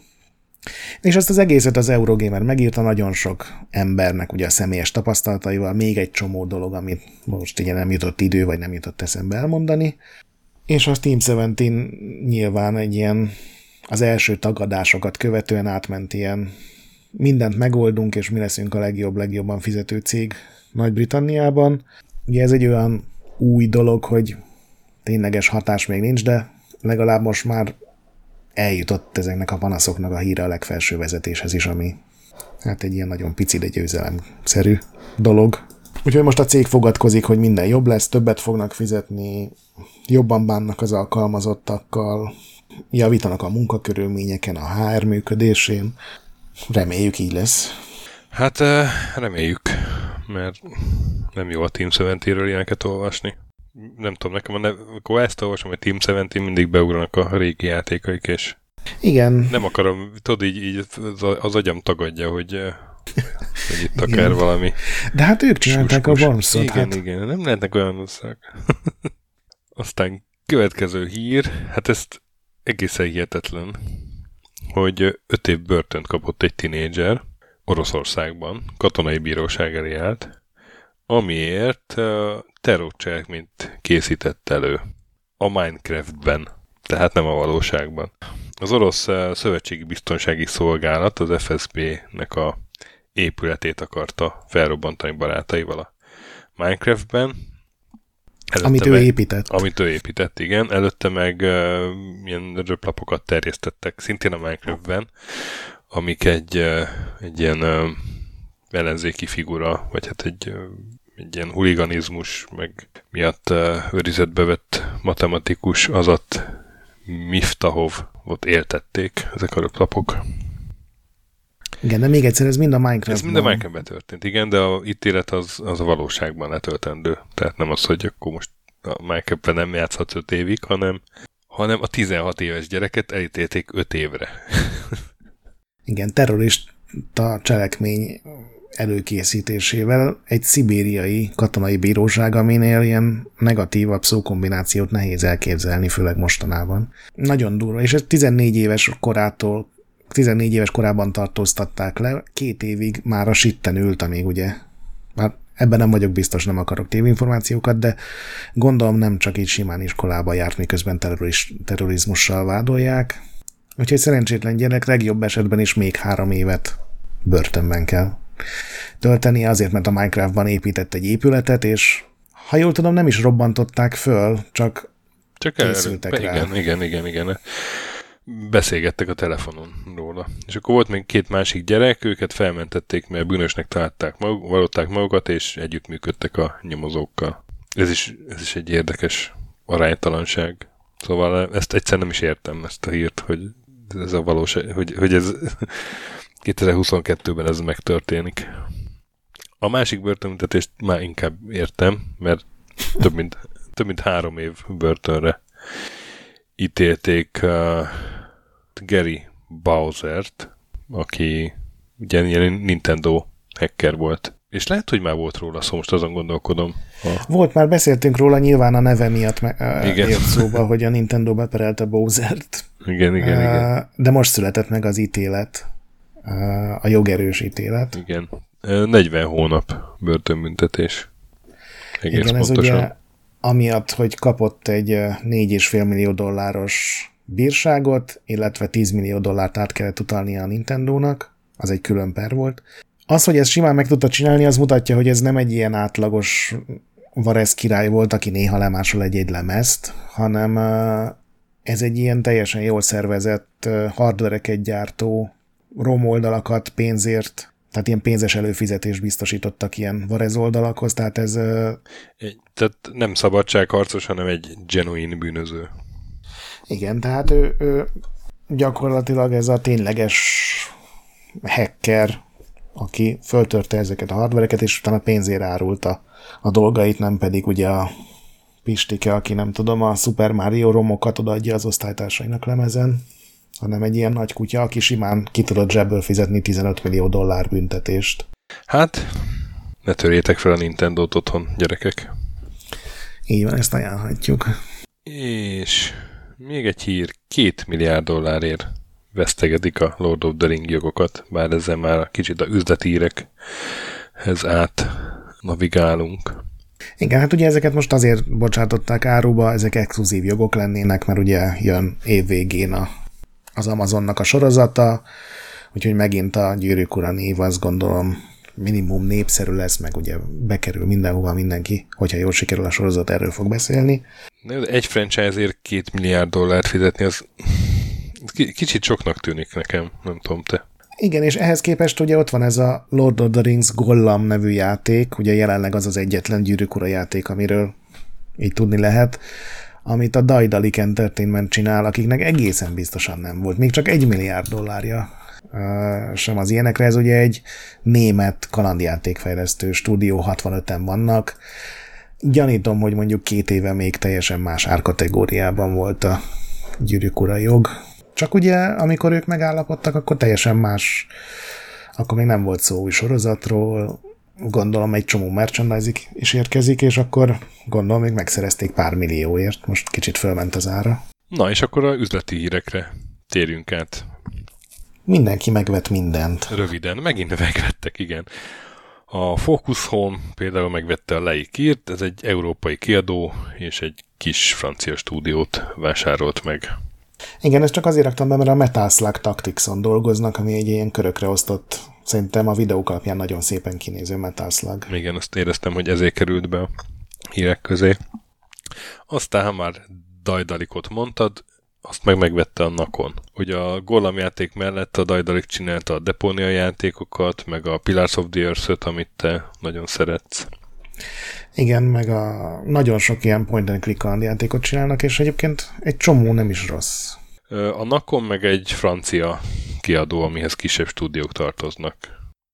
Igen, és valahonnan nagyon sok pénzt szerezhettek, mert ők is így elkezdtek az utóbbi két évben így vásárolgatni. 60 millió dollárnak megfelelő pénzért vették meg azt sejteti itt a híradás. A Nintendo pedig megvette a SRD-t, ami a System Research Development, egy nagyon régi Nintendo partner, 1982 óta. Rengeteg Zelda, Mario, Donkey Kong, mindenféle játékokon dolgoztak. Én azt hittem, hogy az az övék. Én, én teljesen meglepődtem. Miért hogy... hitted volna, hiszen csak azért, mert a Nintendo irodaépületben van az ő irodájuk, és csak azért azt hitted, hogy hozzájuk tartoznak? Hát, hát mert kizárólag Nintendo belső fejlesztési játékokon dolgoztak. Igen, igen, azt hittem. Jó, de még nincs 40 éve, még csak 39 éve, hogy kizárólag Nintendo játékokon dolgoznak a Nintendo irodaházban ja, most, belülről. most már megérdemlik, hogy megvegyék, hogy igen. megszolgálták. Ugye a Nintendo is csattanós választ adott azoknak, akik megkérdezték, hogy miért nem vásárolnak föl stúdiókat. Tessék. Tessék. Legalább nem kell átszervezni az életüket, hogy tudod, hogy máshová járni dolgozni, új parkolóhelyet keresni. Igen, aztán a Tencent megvette a Van Centet, az egy c ami a egy lengyel, lengyel stúdió, ez főleg ilyen más játékokba segített be, ahogy láttam, meg King's Bounty-t csináltak, meg ilyenek. Meg nagyon sok, igen, ilyen stratégiai játékon dolgoznak. King's Bounty, Man of War, Space Rangers. De hogy egy csomószor az volt, hogy valami nagy játékba besegítettek valami másik Lehet, igen, stúdiónak. Igen. És a Tencentnek nem ez volt a egyetlen felvásárlása, hanem ez a kiváló kínai óriás, az Inflection Games is megvette. Még egy szabadon levő indie csapat volt, a Nightingale-t csinálják, ugye? Igen, ez ugye ilyen ex-BioWare-esek, és a stúdióvezető is az Aaron Flynn, aki az egyik BioWare stúdiónak volt sokáig a főnöke, lehet, hogy a tej, nem, a teljes BioWare-nek volt a főnöke, és csinálnak egy ilyen nagyon szép ilyen fantasy kraftolós RPG-t, vagy túlélő kraftolós RPG-t, ami úgy látszik a Tencentnek egy ilyen nagyon jól hangzó kombináció. Még nem volt saját játékuk, tehát most kezdték el éppen, hogy fejleszteni, ugye a Game awards jelentették be egy ilyen trailerrel ezt a játékot. Gondolom fantáziát látott benne a Tencent, aztán biztos, ami biztos vettek még egy stúdió, nem tudom, hogy ez már a hányadik, de szerintem már bőven száz stúdió felett vannak. Hát minden Tencentnek maga felé hajlik a keze. Ezt tudom hozzátenni. Köszönöm. Ez, ez most nem volt annyira rossz, ez mégis még illett a helyzetre is. És utolsó üzleti hírünk, hogy XCD projekt fejlesztők új stúdiót indítottak, amit majd valamikor biztos megvásárol valaki. Lázadó farkasok, Rebel Wolves a nevük. Uh-huh. Ez annyira ilyen általános iskola hetedik osztály, amikor meghallod az első pokol géplemezt, és elkezdett saját együttesen ábrándozni. Ott volt ez a végtelen vér, és... Ez még egy ilyen, igen, egy, egy sötét pokol, leszámolás. Pokolgép dalcímnek el tudom képzelni.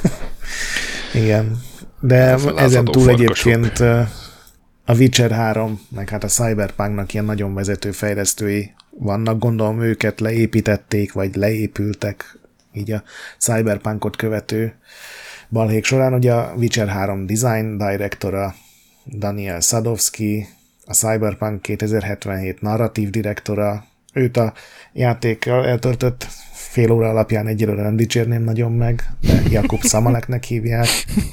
És a Witcher 3 art directora, akit viszont nagyon megdicsérnék, Bartolomeu Gavel, biztos, hogy nem így ejti a nevét, bocsánatot is kérek tőle, de egy nagy sztori alapú RPG-n dolgoznak PC-re és konzolokra, tehát nem mentek messzire a Witcher élményeiktől, úgy tűnik. Hát, sok sikert kívánok nekik, hogy legyen elég erejük és erőforrásuk összerakni azt a prototípust, amivel aztán megfognak egy pénzesebb gazdát. Meg gondolom ez Én így az megy. Embracerre tippelek, de majd meglátjuk.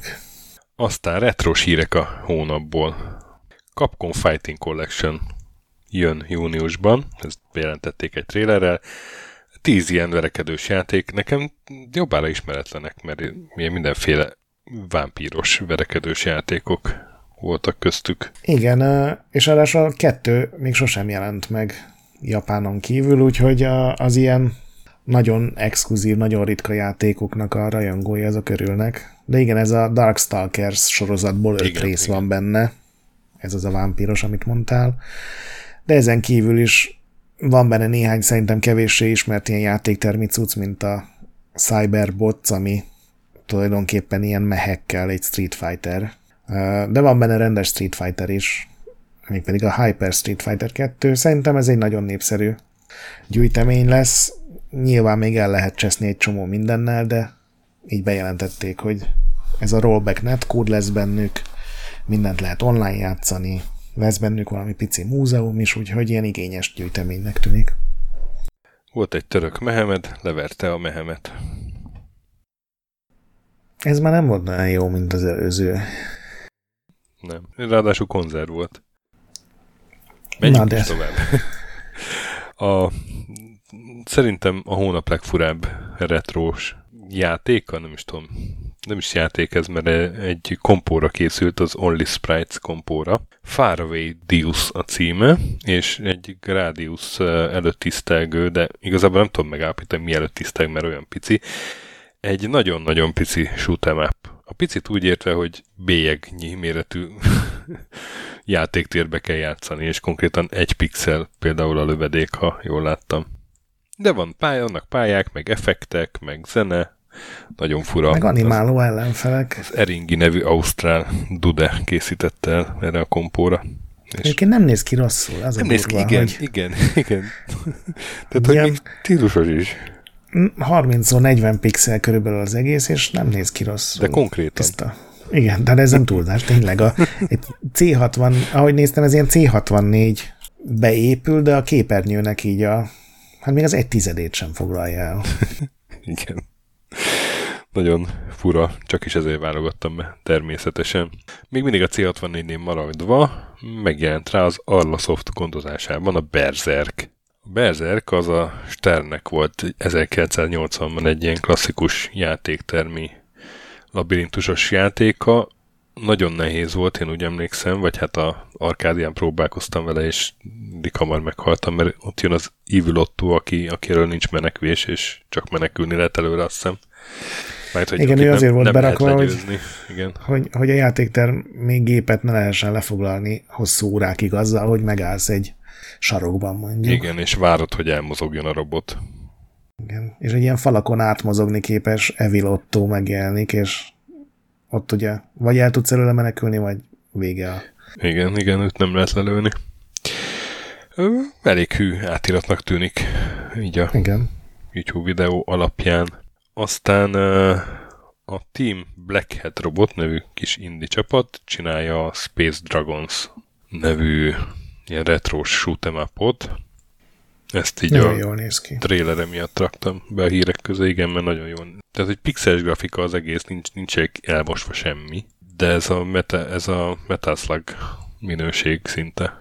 Talán az animációk nem, de, az a, nem, de. a járművek igen. Igen, igen, igen, meg az ellenfelek és igen, nagyon jól néznek ki, ilyen félig hús, félig organikus, gép ez a... igen, igen, igen, szóval azt ajánljuk megtekintésre.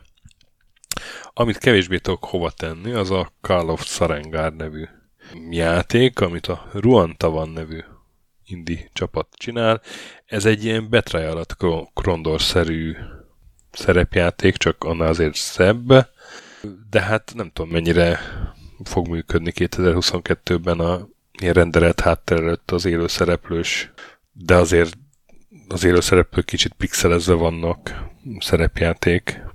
Hát igen, nyilván nem azért a, a, a AAA címek babérjaira törnek. Néhány ilyen, úgy néz ki, hogy tényleg az ilyen larpozók, srácok meg hölgyek vannak befotózva ilyen aha, NPC-nek.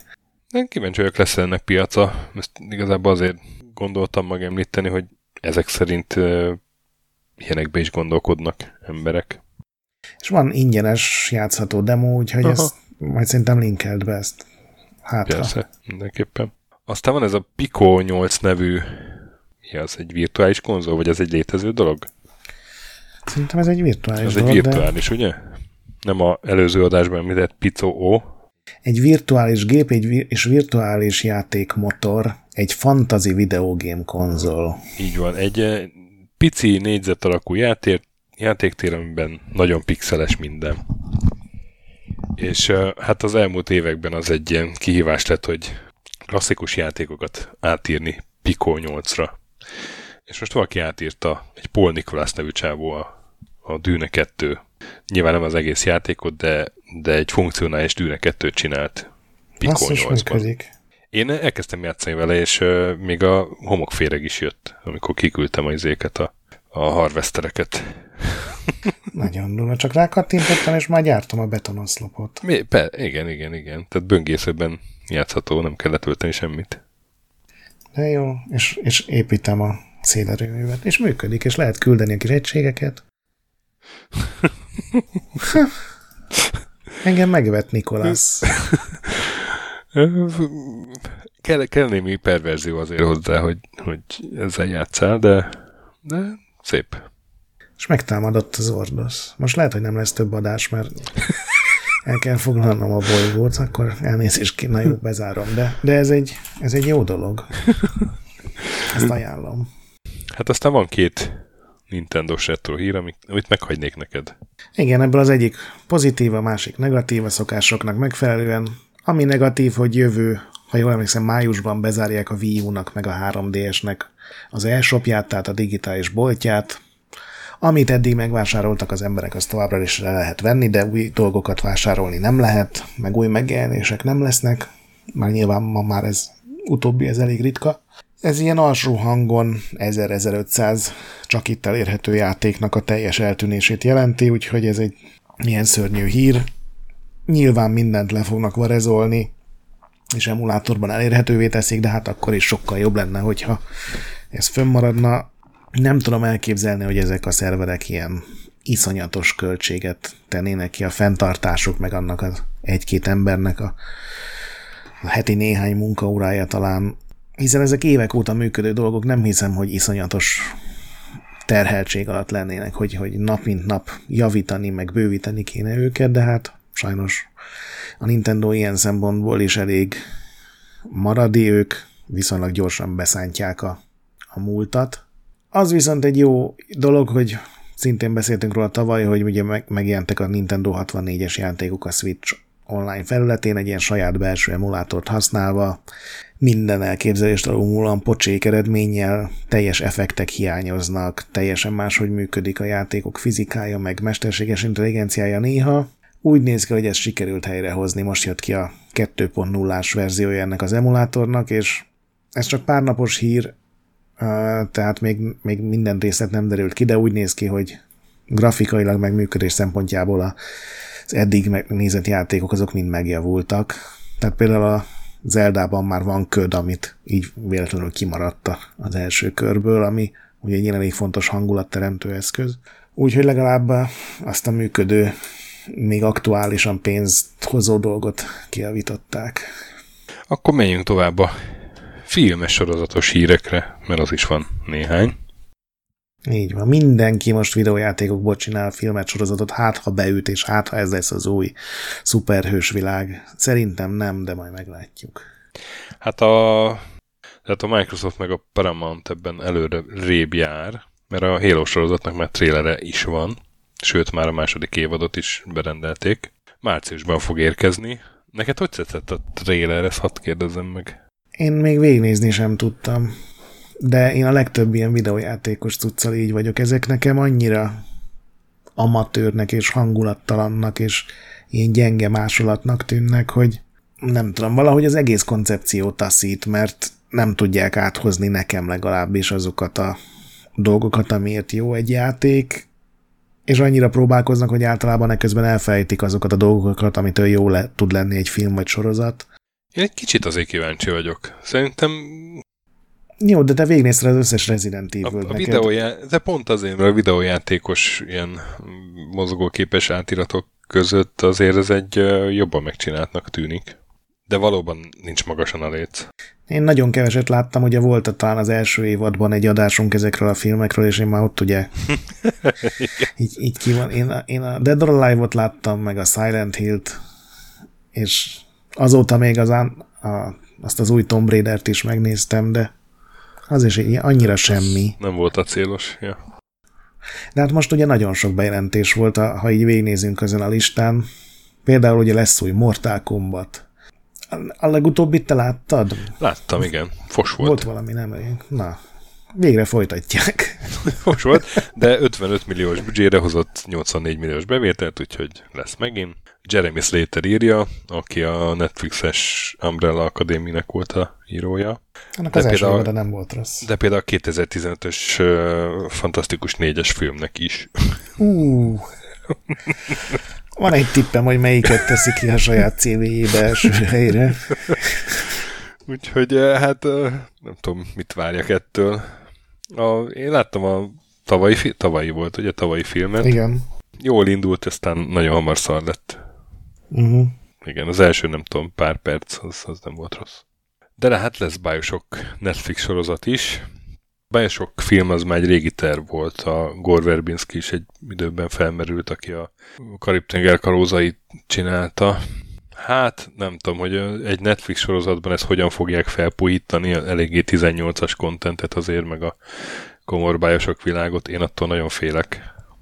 Hát meg melyik? Meg melyik, igen. igen. Az Tehát, is egy hogy a, Az Infinite lesz, vagy vagy forgatnak egy csomót vízben, és akkor a vízes forgatások azok tök drágák, meg hogy... Hát ugye készül az új bajosok, tehát még az is lehet, hogy annak vagy, lesz vagy az új bajosok, egy ilyen igen, dolga. Hát, na mindegy, itt, uh, itt azért nagyon, nagyon nagy kétségeim vannak. Hát haladjunk ezen a vonalon tovább, hogy miből lesz? Hát még. sorozatok, aha, igen. Aztán a, az Amazon meg uh, sorozat adaptációkra szerződött, a Disco Elysium, az It Takes Two és a Life is Strange. Hát ez ugye még nem jelenti azt feltétlenül, hogy ebből tényleg lesz valami, tehát ezek még csak ilyen előzetes szerződések, de az, hogy a Disco Elysiumot az, pont az Amazon dolgozza föl, az, az, az hát ne, ne, nem, nem tudom. Ugye a Disco Elysium az finoman szólva sem a hiperkapitalizmus dicsőítéséről szól, az Amazon meg ugye így annak az egyik bajnoka, hogy ez így furcsa. Én nem tudom, én imádtam az első Life is Stranger-t, nem akarom ezt látni tévében valódi színészekkel így. Az itt textúnál meg beszéltünk róla, hogy hát ennek úgy nem, nem, a, nem, nem a karakterei vagy a története volt, hogy éreztük Igen. erősnek, szóval, hogy Ja, hát nekem ezek a bajaim vele, de hát egyszer csak születik egy jó sikerült ilyen átirat.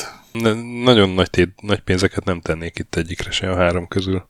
Viszont azt szerintem egy jó hír, hogy a Amazonnak a Fallout sorozatába érkezik Walton Goggins. Őt szeretem, mint színész. Joggins? Nem is tudom, hogy kell ejteni. Goggins hát igen, ő ilyen, ilyen, mindig ilyen tűrhő nagy tirpákokat játszik a Aljas 8-as, vagy mi volt az a igen. Tarantino film. Abba is a akkor volt a egy... Django-ban is játszott. Django-ban is tényleg, tényleg, tényleg. Meg rengeteg sorozatban, végtelen mennyiségű sorozatban tűnt föl. Ilyen, mint színész nagyon jó, de hát mivel semmit nem tudni azon túl, hogy, hogy ez a Fallout sorozatban lesz egy karakter. A Deadline, aki ezt az egészet megszellőztette, azt írta, hogy lehet, hogy egy gólt játszik, egy ilyen mutáns gól, de hát egyrészt ez is csak egy tip, másrészt meg ahhoz, hogy elmaszkírozzák a Gogginsnak a jellegzetes arcát, meg a fintorait, azt szerintem pont egy marhasság, de hát... Na minden, el tudom képzelni nagyon a Fallout világában a csávót. Igen.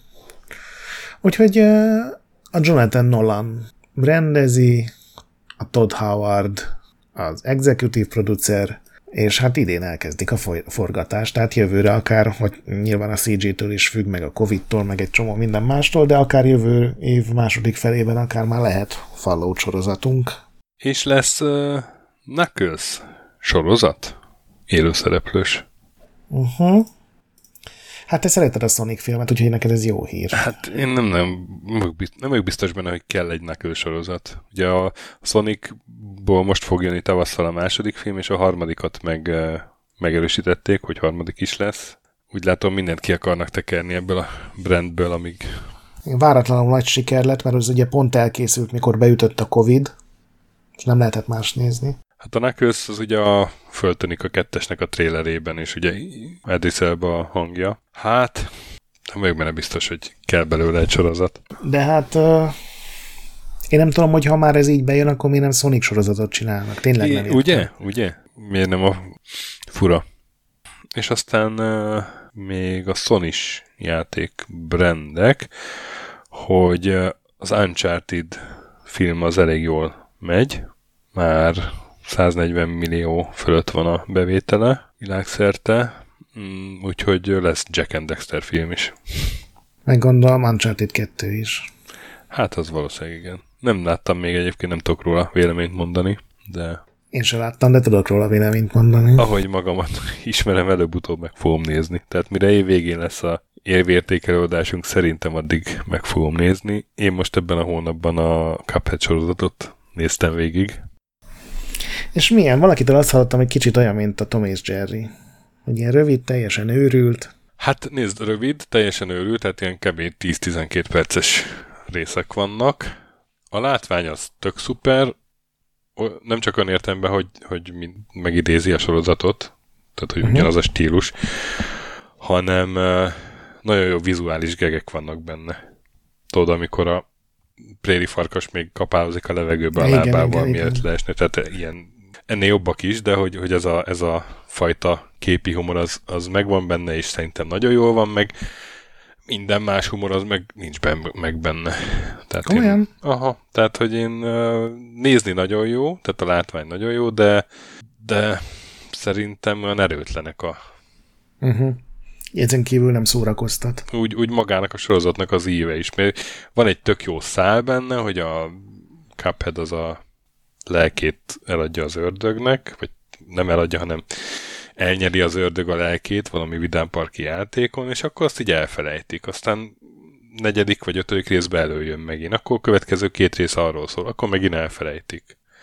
És Aha. akkor egy tök másról szóló cliffhangerre meg vége a sorozatnak. Kicsit úgy, úgy mintha nem tudták volna, hogy, hogy miről Mire szóljon, hogy mire, aha. miről szóljon maga a sorozat, hanem hogy, hogy így inkább ilyen alibiztek, hogy minél több szereplőt be tudjanak hozni. Anya egyébként tök jó, hogy ott a, a békák, a két béka az van benne, meg a zöldségek is, a zöldség szörnyek, Mhm. uh-huh. ugye, tehát hogy egy csomó ismerős van a játékból a főhősökön kívül is, de valahogy úgy érzem, hogy tartalmilag ebből sokkal többet ki lehetett volna hozni, látványilag valószínűleg nem, mert uh-huh. szenzációs. Tehát mégis nem bántam meg, hogy megnéztem, de mondom csak a látvány miatt. Értem. Hát nem tudom, majd nem egyrészt megnézek, aztán mégis a 10 perc vagy 12 nem olyan gáz. Úgyhogy idén nagyon sok játék, film és sorozat kezd el készülni, és aztán szerintem ilyen 2023-24-ben mindent el fognak ezek önteni egy-két évre, hogy hát ha Igen. betalál valamelyik. Igen, hát veszek, veszek egy kis veszek egy tartályvitriót jövőre. Na, gyorsan menjünk végig. Halasztások, kúrens megjelenések, stb. Ezt te szoktad ledarálni.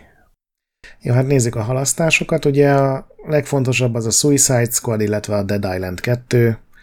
A Dead Island 2 az nyilván ilyen meg van csillagozva, mert hát az szerintem még 2016-ra ígérték először, vagy 18-ra. Hú, nagyon rég, nagyon rég. Nagyon rég, igen.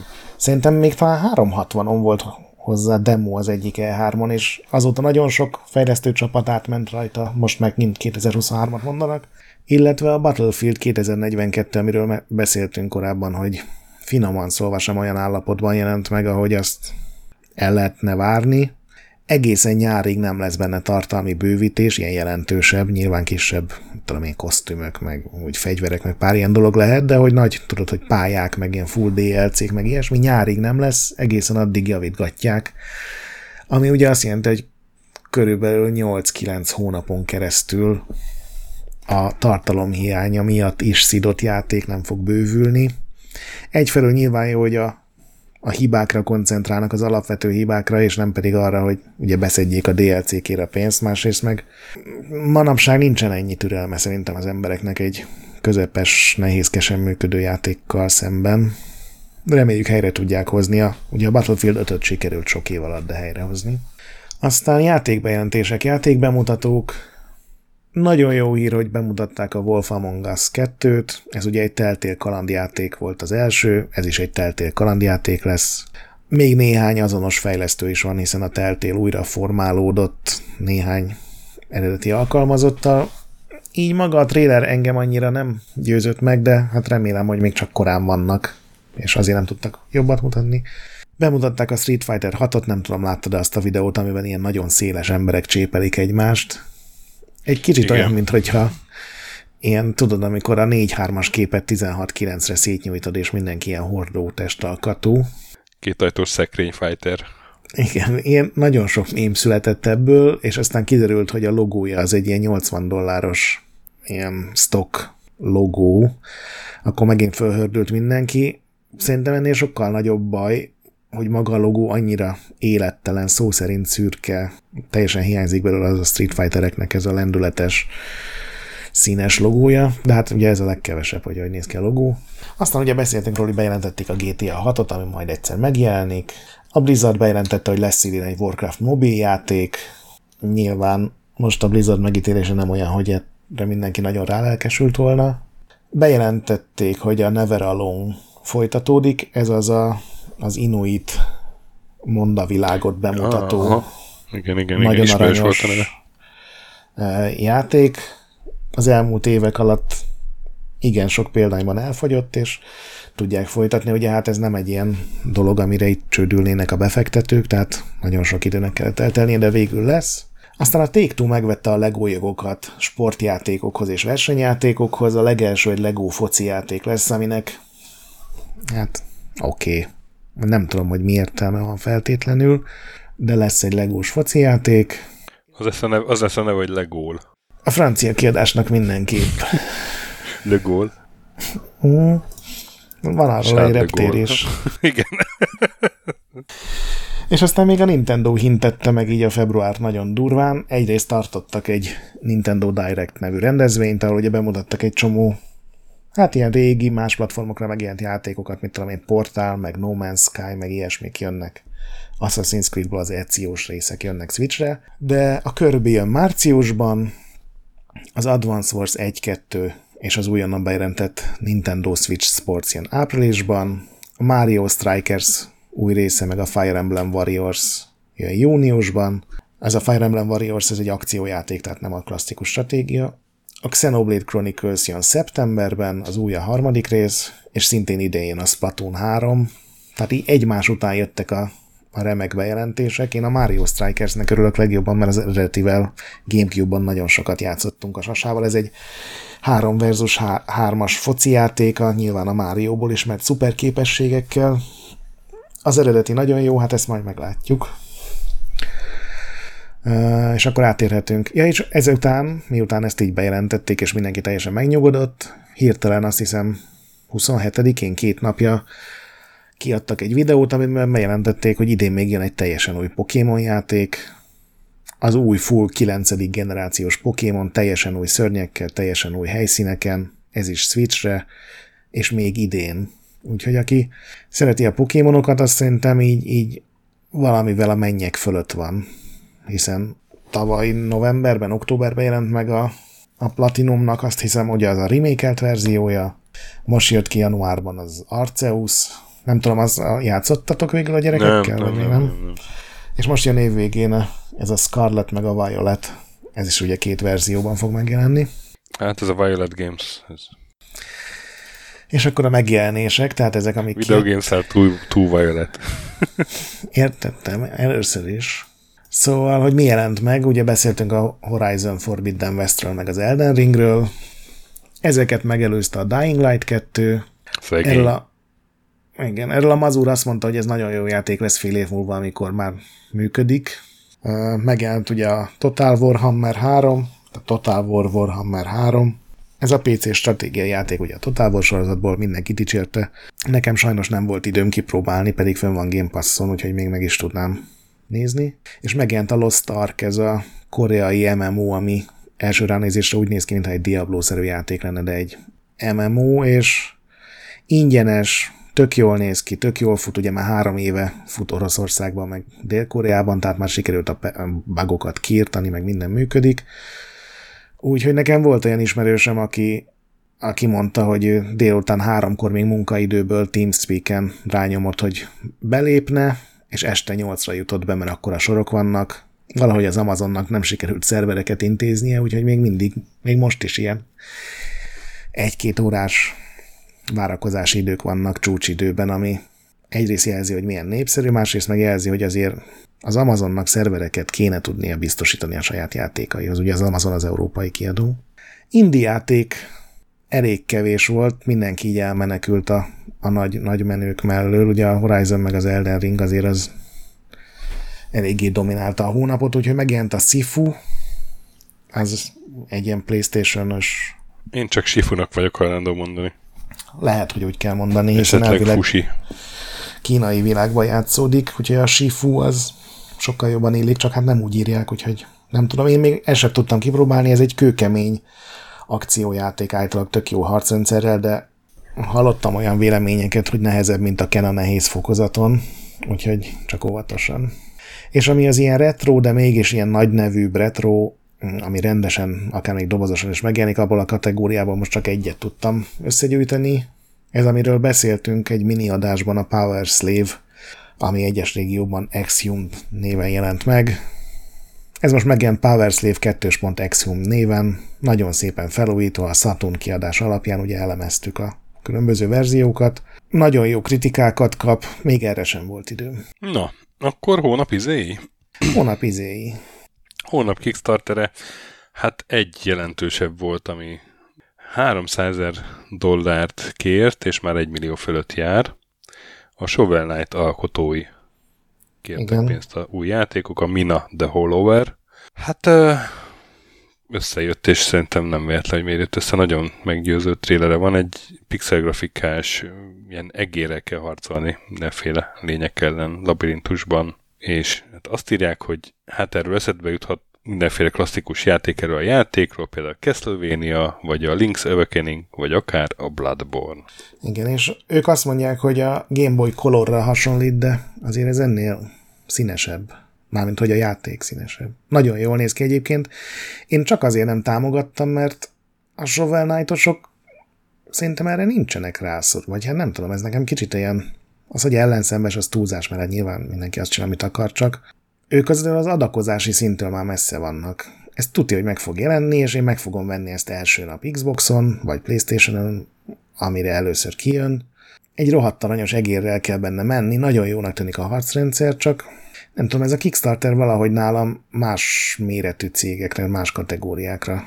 Aha. Hát, hát a... ez az én fejem, tehát ez nyilván ez nagyon sokan... Semmi hármat is el. megszondázták ott, ha emlékszel. Igen, igaz. De, ja. Lehet. Szóval a játék maga nagyon tetszik így a videók, meg, meg, meg részletek alapján. Na, és uh, hónap triviája és hónap játéka? Vagy hónap random retro ajánlata? A random retro ajánlat az legyen az Arkon. Még pedig azért, mert visszaolvastam a kicsit rendbe hoztam a Retrolennek ugye a címoldalát, és láttam, hogy írtam erről egy cikket jó pár éve, és megint előszedtem, megint megjött hozzá a kedvem, és én még mindig azt mondom, hogy ebből egy az Arkon egyet újra gondolni egy tök jó ötlet lenne. Ma már biztos be lehetne rakni egy csomó eltérő fajt, különböző egységekkel, akár valami kicsit trükkösebb pályával, de ez még mindig működik nálam ez a recept, ez, hogy körökre osztott sakszerű lépések, de a bábok nem kiütik egymást, hanem meg kell küzdeni. Szerintem ezt ma egy ilyen kreatív fejlesztő csapat nagyon jól meg tudnám csinálni. Nálad ez a retro ajánlat? Hát most én is egyszerűen elintéztem, és én is azért, mert szembe jött velem a játék. Ez pedig a Warcraft 3, és annak is a Frozen Throne kiegészítője, tehát nem az alapjáték. Uh-huh. Mégpedig azért, mert a kiegészítők azért, azért így el szoktak sikkadni kicsit, mondjuk ezt valószínűleg azért sokan ismerik, de ha valaki esetleg nem játszott vele, csak az alapjátéka, annak még ma is nagyon tudom ajánlani. Ugye ezen egy, egy évvel később jelent meg, mint a, az alapjáték, 2003 nyarán, és annyi új dolgot hozott be egy világépítésbe, hogy már amiatt érdemes játszani vele. Ugye behozott egy új fajta nágákat, azokat játszani is lehetett egy ponton. Uh-huh a panda az itt, itt bukkant fel, ugye, ha jól emlékszem, akkor titkos karakterként, vagy valahogy elő kellett hozni. Aztán tele volt mindenféle egyéb lényekkel, meg a, a Blood Elfeknek is itt volt egy, egy komolyabb száluk, és, és a Crossing nevű titkos pályát is még megemlíteném, amit uh, akkor lehetett megcsinálni, ha, vagy akkor lehetett előhívni, hogyha valamelyik előző szinten valamit teljesítettél, vagy időre teljesítetted, nem emlékszem uh-huh. pontosan. De ez volt az a titkos pálya, ami arról szólt, hogy tornyokat kellett lerakni, és ilyen vonultak az ellenfelek, és le igen, kellett igen, igen. lőni meg az ellenfeleket, és aztán ez a pálya iklette a Flash TD nevű Flash játékot, ami meg az egész Tower Defense őrületet elindította. Tehát az ősforrás az igazából innen indult. Már ez a modernkori, vagy ez ilyen uh-huh. Mhm. 21. századi Tower Defense őrület, mert biztos, hogy létezik valami, nem tudom, 80-as évekbeli játék, ami igen, mainframe Tower Defense játék. Erre, erre jött eszembe a Kingdom Rush-t megint sikerült elkezdenem. Na, jó van. Helyes, helyes, helyes. Képzeld, én is tolom éppen a Frontiers-t. Na, jó van akkor. Úgyhogy akkor jó Kingdom, bros, Kingdom Rush-ozást, bro. Szóval uh, így ezt szoktak sikadni ennek az érdemei, mert ugye csak egy kiegészítő, de hát milyen kiegészítő? Játszatok vele. És trivia? Olyan trivia van, hogy leesel a székről, úgyhogy mondta te a tiédet. Ah. Hát nekem a háborúra jutott eszembe a trivia, képzeld, hogy volt ugye a Raid over Moscow, és uh-huh. arról volt az a legenda, hogy, hogy az betiltották annak idején, mert Lenin szobrokat kellett bombázni benne. Azt hiszem a játékban nem, nem lehet Lenin szobrokat bombázni egyébként, de ez már így terjedt. és gondoltam utána járok ennek a legendának, és ez lesz a hónap triviája. És a Raid over Moscow a Bruce Carver csinálta, aki a Beachhead, Beachheadeket az Access-nél, és ugye az is, az is olyan, mint a Beachhead, a Raid over Moscow, mini játékok vannak, csak speciál az első mini játék az már végigjátszhatatlan volt, ha nem tudtad, hogy mivel kell kinyitni a hangárajtót, már pedig én nem tudtam. Én évtizedekkel később tudtam meg.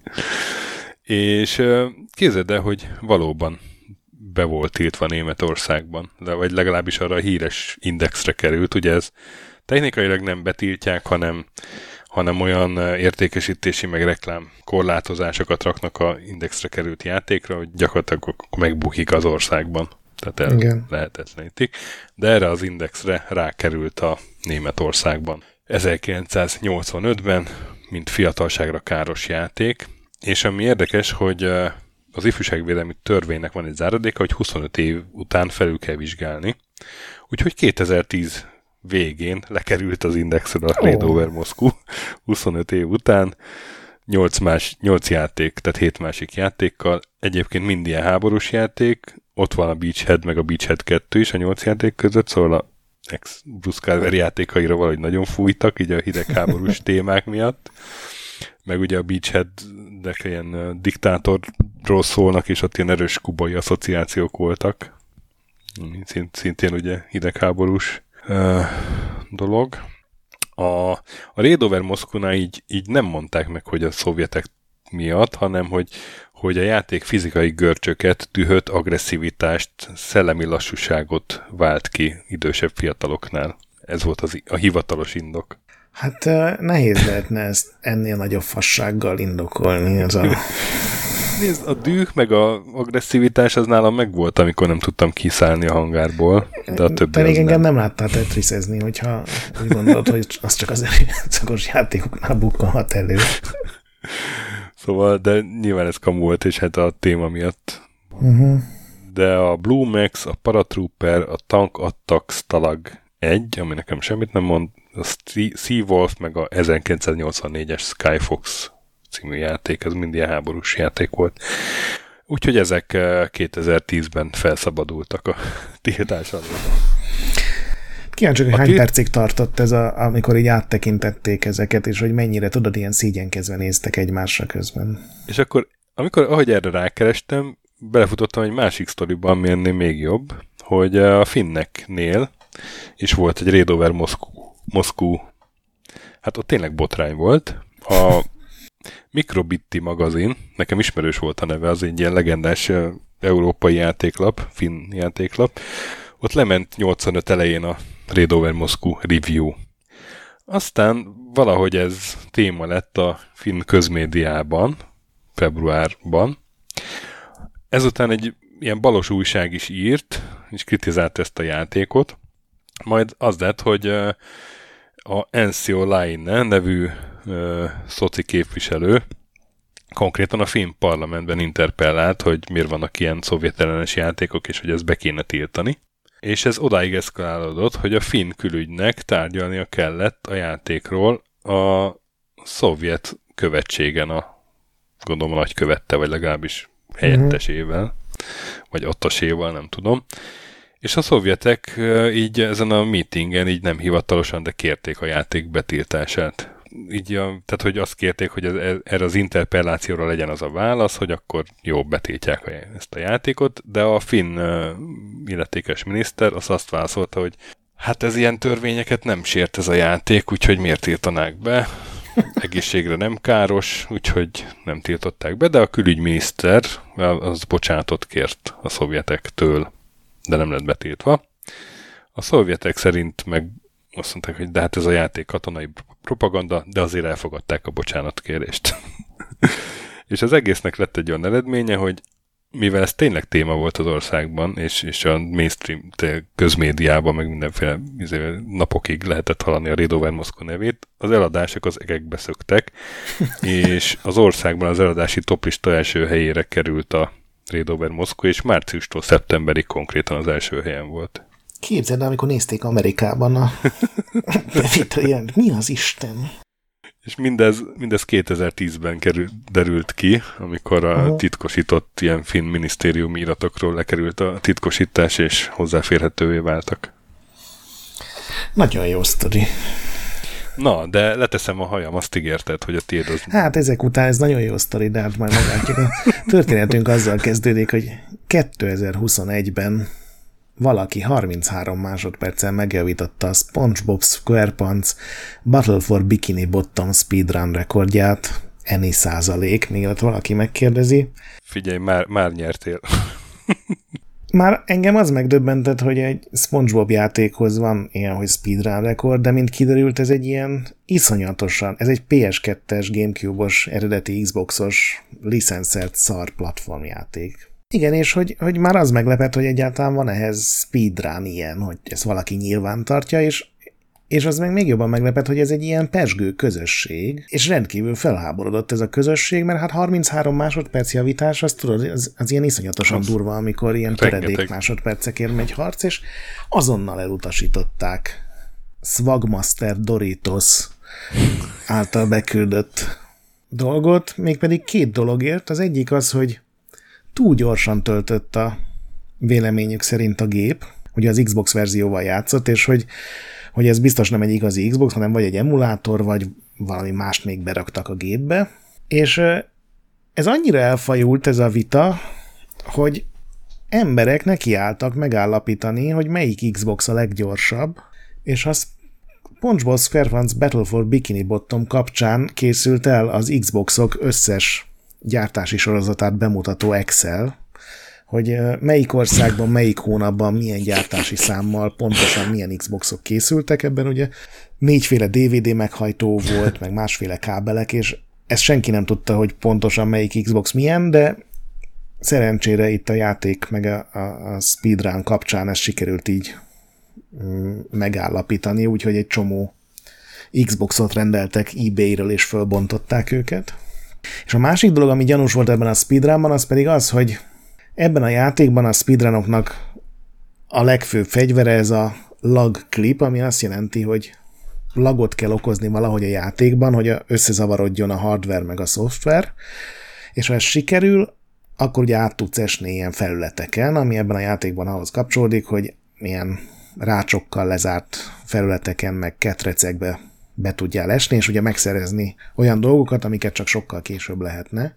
Ami ebben a játékban azt jelenti, hogy ha a karaktered specifikus szögben áll, és lefelé mozog, mert például esik lefelé, vagy csúszik lefelé, és ekközben valahogy két eltérő programhibát előidézel, és ekközben kibekapcsolgatod a pause funkciót, akkor tudsz átesni a pályákon, senki nem tudja, hogy ez miért van. Én azt sem tudom, hogy ez hogy fedezte föl valaki, de, de a Battle for Bikini Bottom speedrun közösségnek ez az egyik fő fegyvere. És azt mondta mindenki, hogy ez a Swagmaster Doritos, ez túl gyorsan csinálta meg ezt a bugot, hogy ilyet nem lehet csinálni.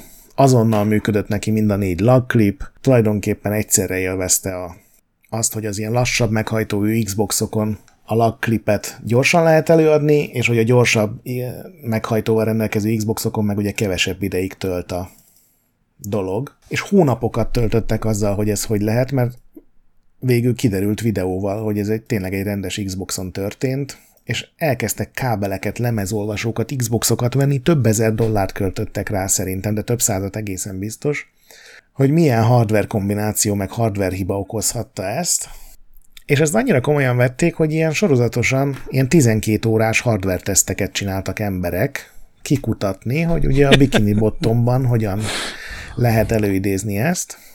És az egyik ilyen 12 órás tesztelés után az egyik fickó az ránézett a kezére, amilyen koszos volt, és valahogy eszébe jutott, hogy ez a koszos, zsíros, uh, ilyen hardverekben turkálós kézzel megtunkolja a lemezt, és csoda történt stöki, mintha gyorsabb lett volna a lakklip a ezzel a mocskos lemezzel. És akkor ugye a tudományos tesztelés következő fázisa következett, a játék DVD-t bedugta az illető a hónaljába, jól megdörzsölte, Sajnos azt már nem, nem olvasta az Xbox, viszont a YouTube közösségnek nagyon tetszett, hogy ilyen mélyen hajlandó. És ezt követte a, a speedrun történelem egyik legbetegebb fél órája, amikor ez az illető, ez a Shift nevű fickó, ez a mocskos kézzel, meg izzadságával nekiállt kinyomozni, hogy a lemez melyik részére lehet zsíros új lenyomatokat helyezni, hogy még beolvassa a lemezt a játék, de már ne tudjon megfelelő gyorsasággal váltani a pause menünek a zenéje, meg a játék zenéje között. Ugye azért kell nyomogatni a, a start gombot, gyorsan leállítani, visszakapcsolni, hogy így megzavarja a lemezolvasót a zenékkel, és akkor a játék nem tud ugye koncentrálni a, arra, hogy a fizikai határokat értékelje, és így átesel a pályákon. És sikerült, képzeld el, létrehozni egy SpongeBob SquarePants Battle for Bikini Bottom lemezmocskosítási utasítás rendszert, ami elmondja, hogy a lemeznek melyik részeit kell összekoszolni, és hogy mivel lehet, mivel nem.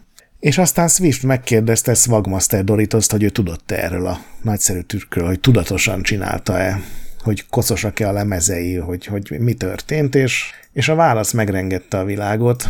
Idézném szó szerint, nem, az én lemezeim nem koszosak, mert gyermekkorom óta úgy tisztítom őket, ahogy egy barátom tanácsolta. Lenyalok róluk minden koszt, és szárazra törlöm őket a párnahúzatommal. Atya úgy, hogy uh, azért van SpongeBob SquarePants világrekordunk, mert valakit átvert a haverja azzal, hogy a, a CD-ket és DVD-ket nyalogatva lehet leghatékonyabban megtisztítani. Fú, meg. Nagyon szép. Hogy találtad ezt? A Redditen volt egy ilyen, hogy sztorik, amikről azt hiszed, hogy nem lehet igaz, de mégis igaz. Thread, és ott volt legfölül, hogy valami olyasmi, hogy a gamer nyál okozza a speedrun rekordot, vagy valami ilyesmi, és utána jártam, és ez a Fit nevű fickó, ez egy ilyen 15 perces YouTube videóval állított emléket ennek az eseménynek. Nagyon durva. Hát erős, erős volt ez is. Nem, nem keltett olyan nagy diplomáciai hullámokat, de szerintem egy erősebb sztori. Na, sikerült három órán belül maradni, dúd. Még az idő, idő, 20 perc évfordulók. Felvétel, hmm, az évfordulókkal elvarjuk persze, de hát az csak Februárban nem jön ki szinte semmi érdemleges. A Horizon az első rész az, az öt éve jött ki, 28-án, úgyhogy azt azért említsük meg. Meg a Contra sorozat lett 35 éves, aztán hát nem tudom. Hát én még odaraknám a Jet Set Radio Future-t, 20 éve. Igen, hát a Nier az 5 éves, de hát az nem annyira retro még nálunk. És hát nyilván a amerikaiak nagyon örülnek, mert a Mario Kart náluk februárban jelent meg, hát nálunk jóval később, ugye, akkor még szokásos volt, hogy Amerikához képest is Európa le van maradva egy fél évvel. Úgyhogy ezek a fontosabbak, és márciusban lesz a Switch 5 éves, úgyhogy akkor biztos lesz majd egy-két említésre érdemes évforduló. Igen. Addig is, hát hallgassatok minket továbbra is, drága hallgatóink, és játszatok sokat, akár a Horizon Forbidden west vagy az Elden Ring-el. Mentsetek a boss fightok előtt, kövessetek minket Discordon, ahol kiváló társaság gyűjt össze, olvassatok Retroendet, ahol már napi content van egy ideje. Értékeltek minket iTunes-on és Spotify-on lehetőleg 5 csillagra, a BIOS ne piszkáljátok, a Fantasmok gorillákban gyönyörködjetek, a kis és nagy pixelekben pedig szintén ha érdemesek a gyönyörködésre. Kezdek ilyen mazúri körmondatokba átmenni, így a elköszönésekkel. Baj, jó ez, jó ez. És hallgassatok mazúri körmondatokat, akár mazúrtól, akár tőlem. Sziasztok! Sziasztok!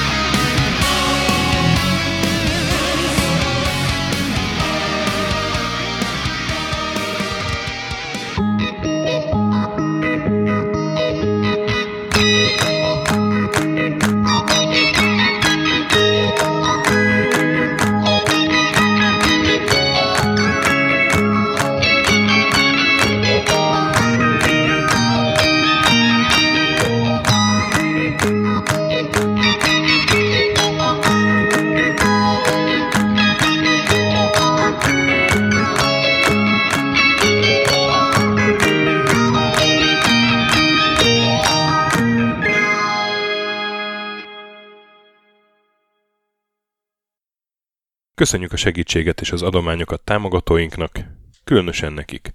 Andris 1 2 3 4 5 6, Pumukli, Bastiano Coimbra de la Coronia Védó, Kis András, Dester, Joda, Kínai, Gatz, Hanan, Zsó, Takkerbá, Dancy Sweet Chickens, Gabez Mekkolis, Sir Archibald a Réten, Módi, Benő 23, Zorkóci, Alternisztom, Nobit, Sogi, Siz, CVD, Tibiur, Bert, Kopescu, Chris, Ferenc, Colorblind, Joff, Edem, Kövesi József, Varjagos, Zsigabálint, Loloke, Snake Hips Boy, Csépé, Márton úr, Tomek G, Kis Dávid, Flanker, Hollosi Dániel, Balázs, Zobor, Csiki, Suva, Kertész Péter, Richard V, Nyau, Vitéz Miklós, Huszti András, Vault 51 Gamer Bar, Péter, Daev, Enisi, Csalazoli, Veszti, Makai Péter, Zsovez, Mongúz, Beranándor, Arzenik, Nagy Alexandra, Kviha, Mazi, Tryman, Magyar Kristóf, Krit 23,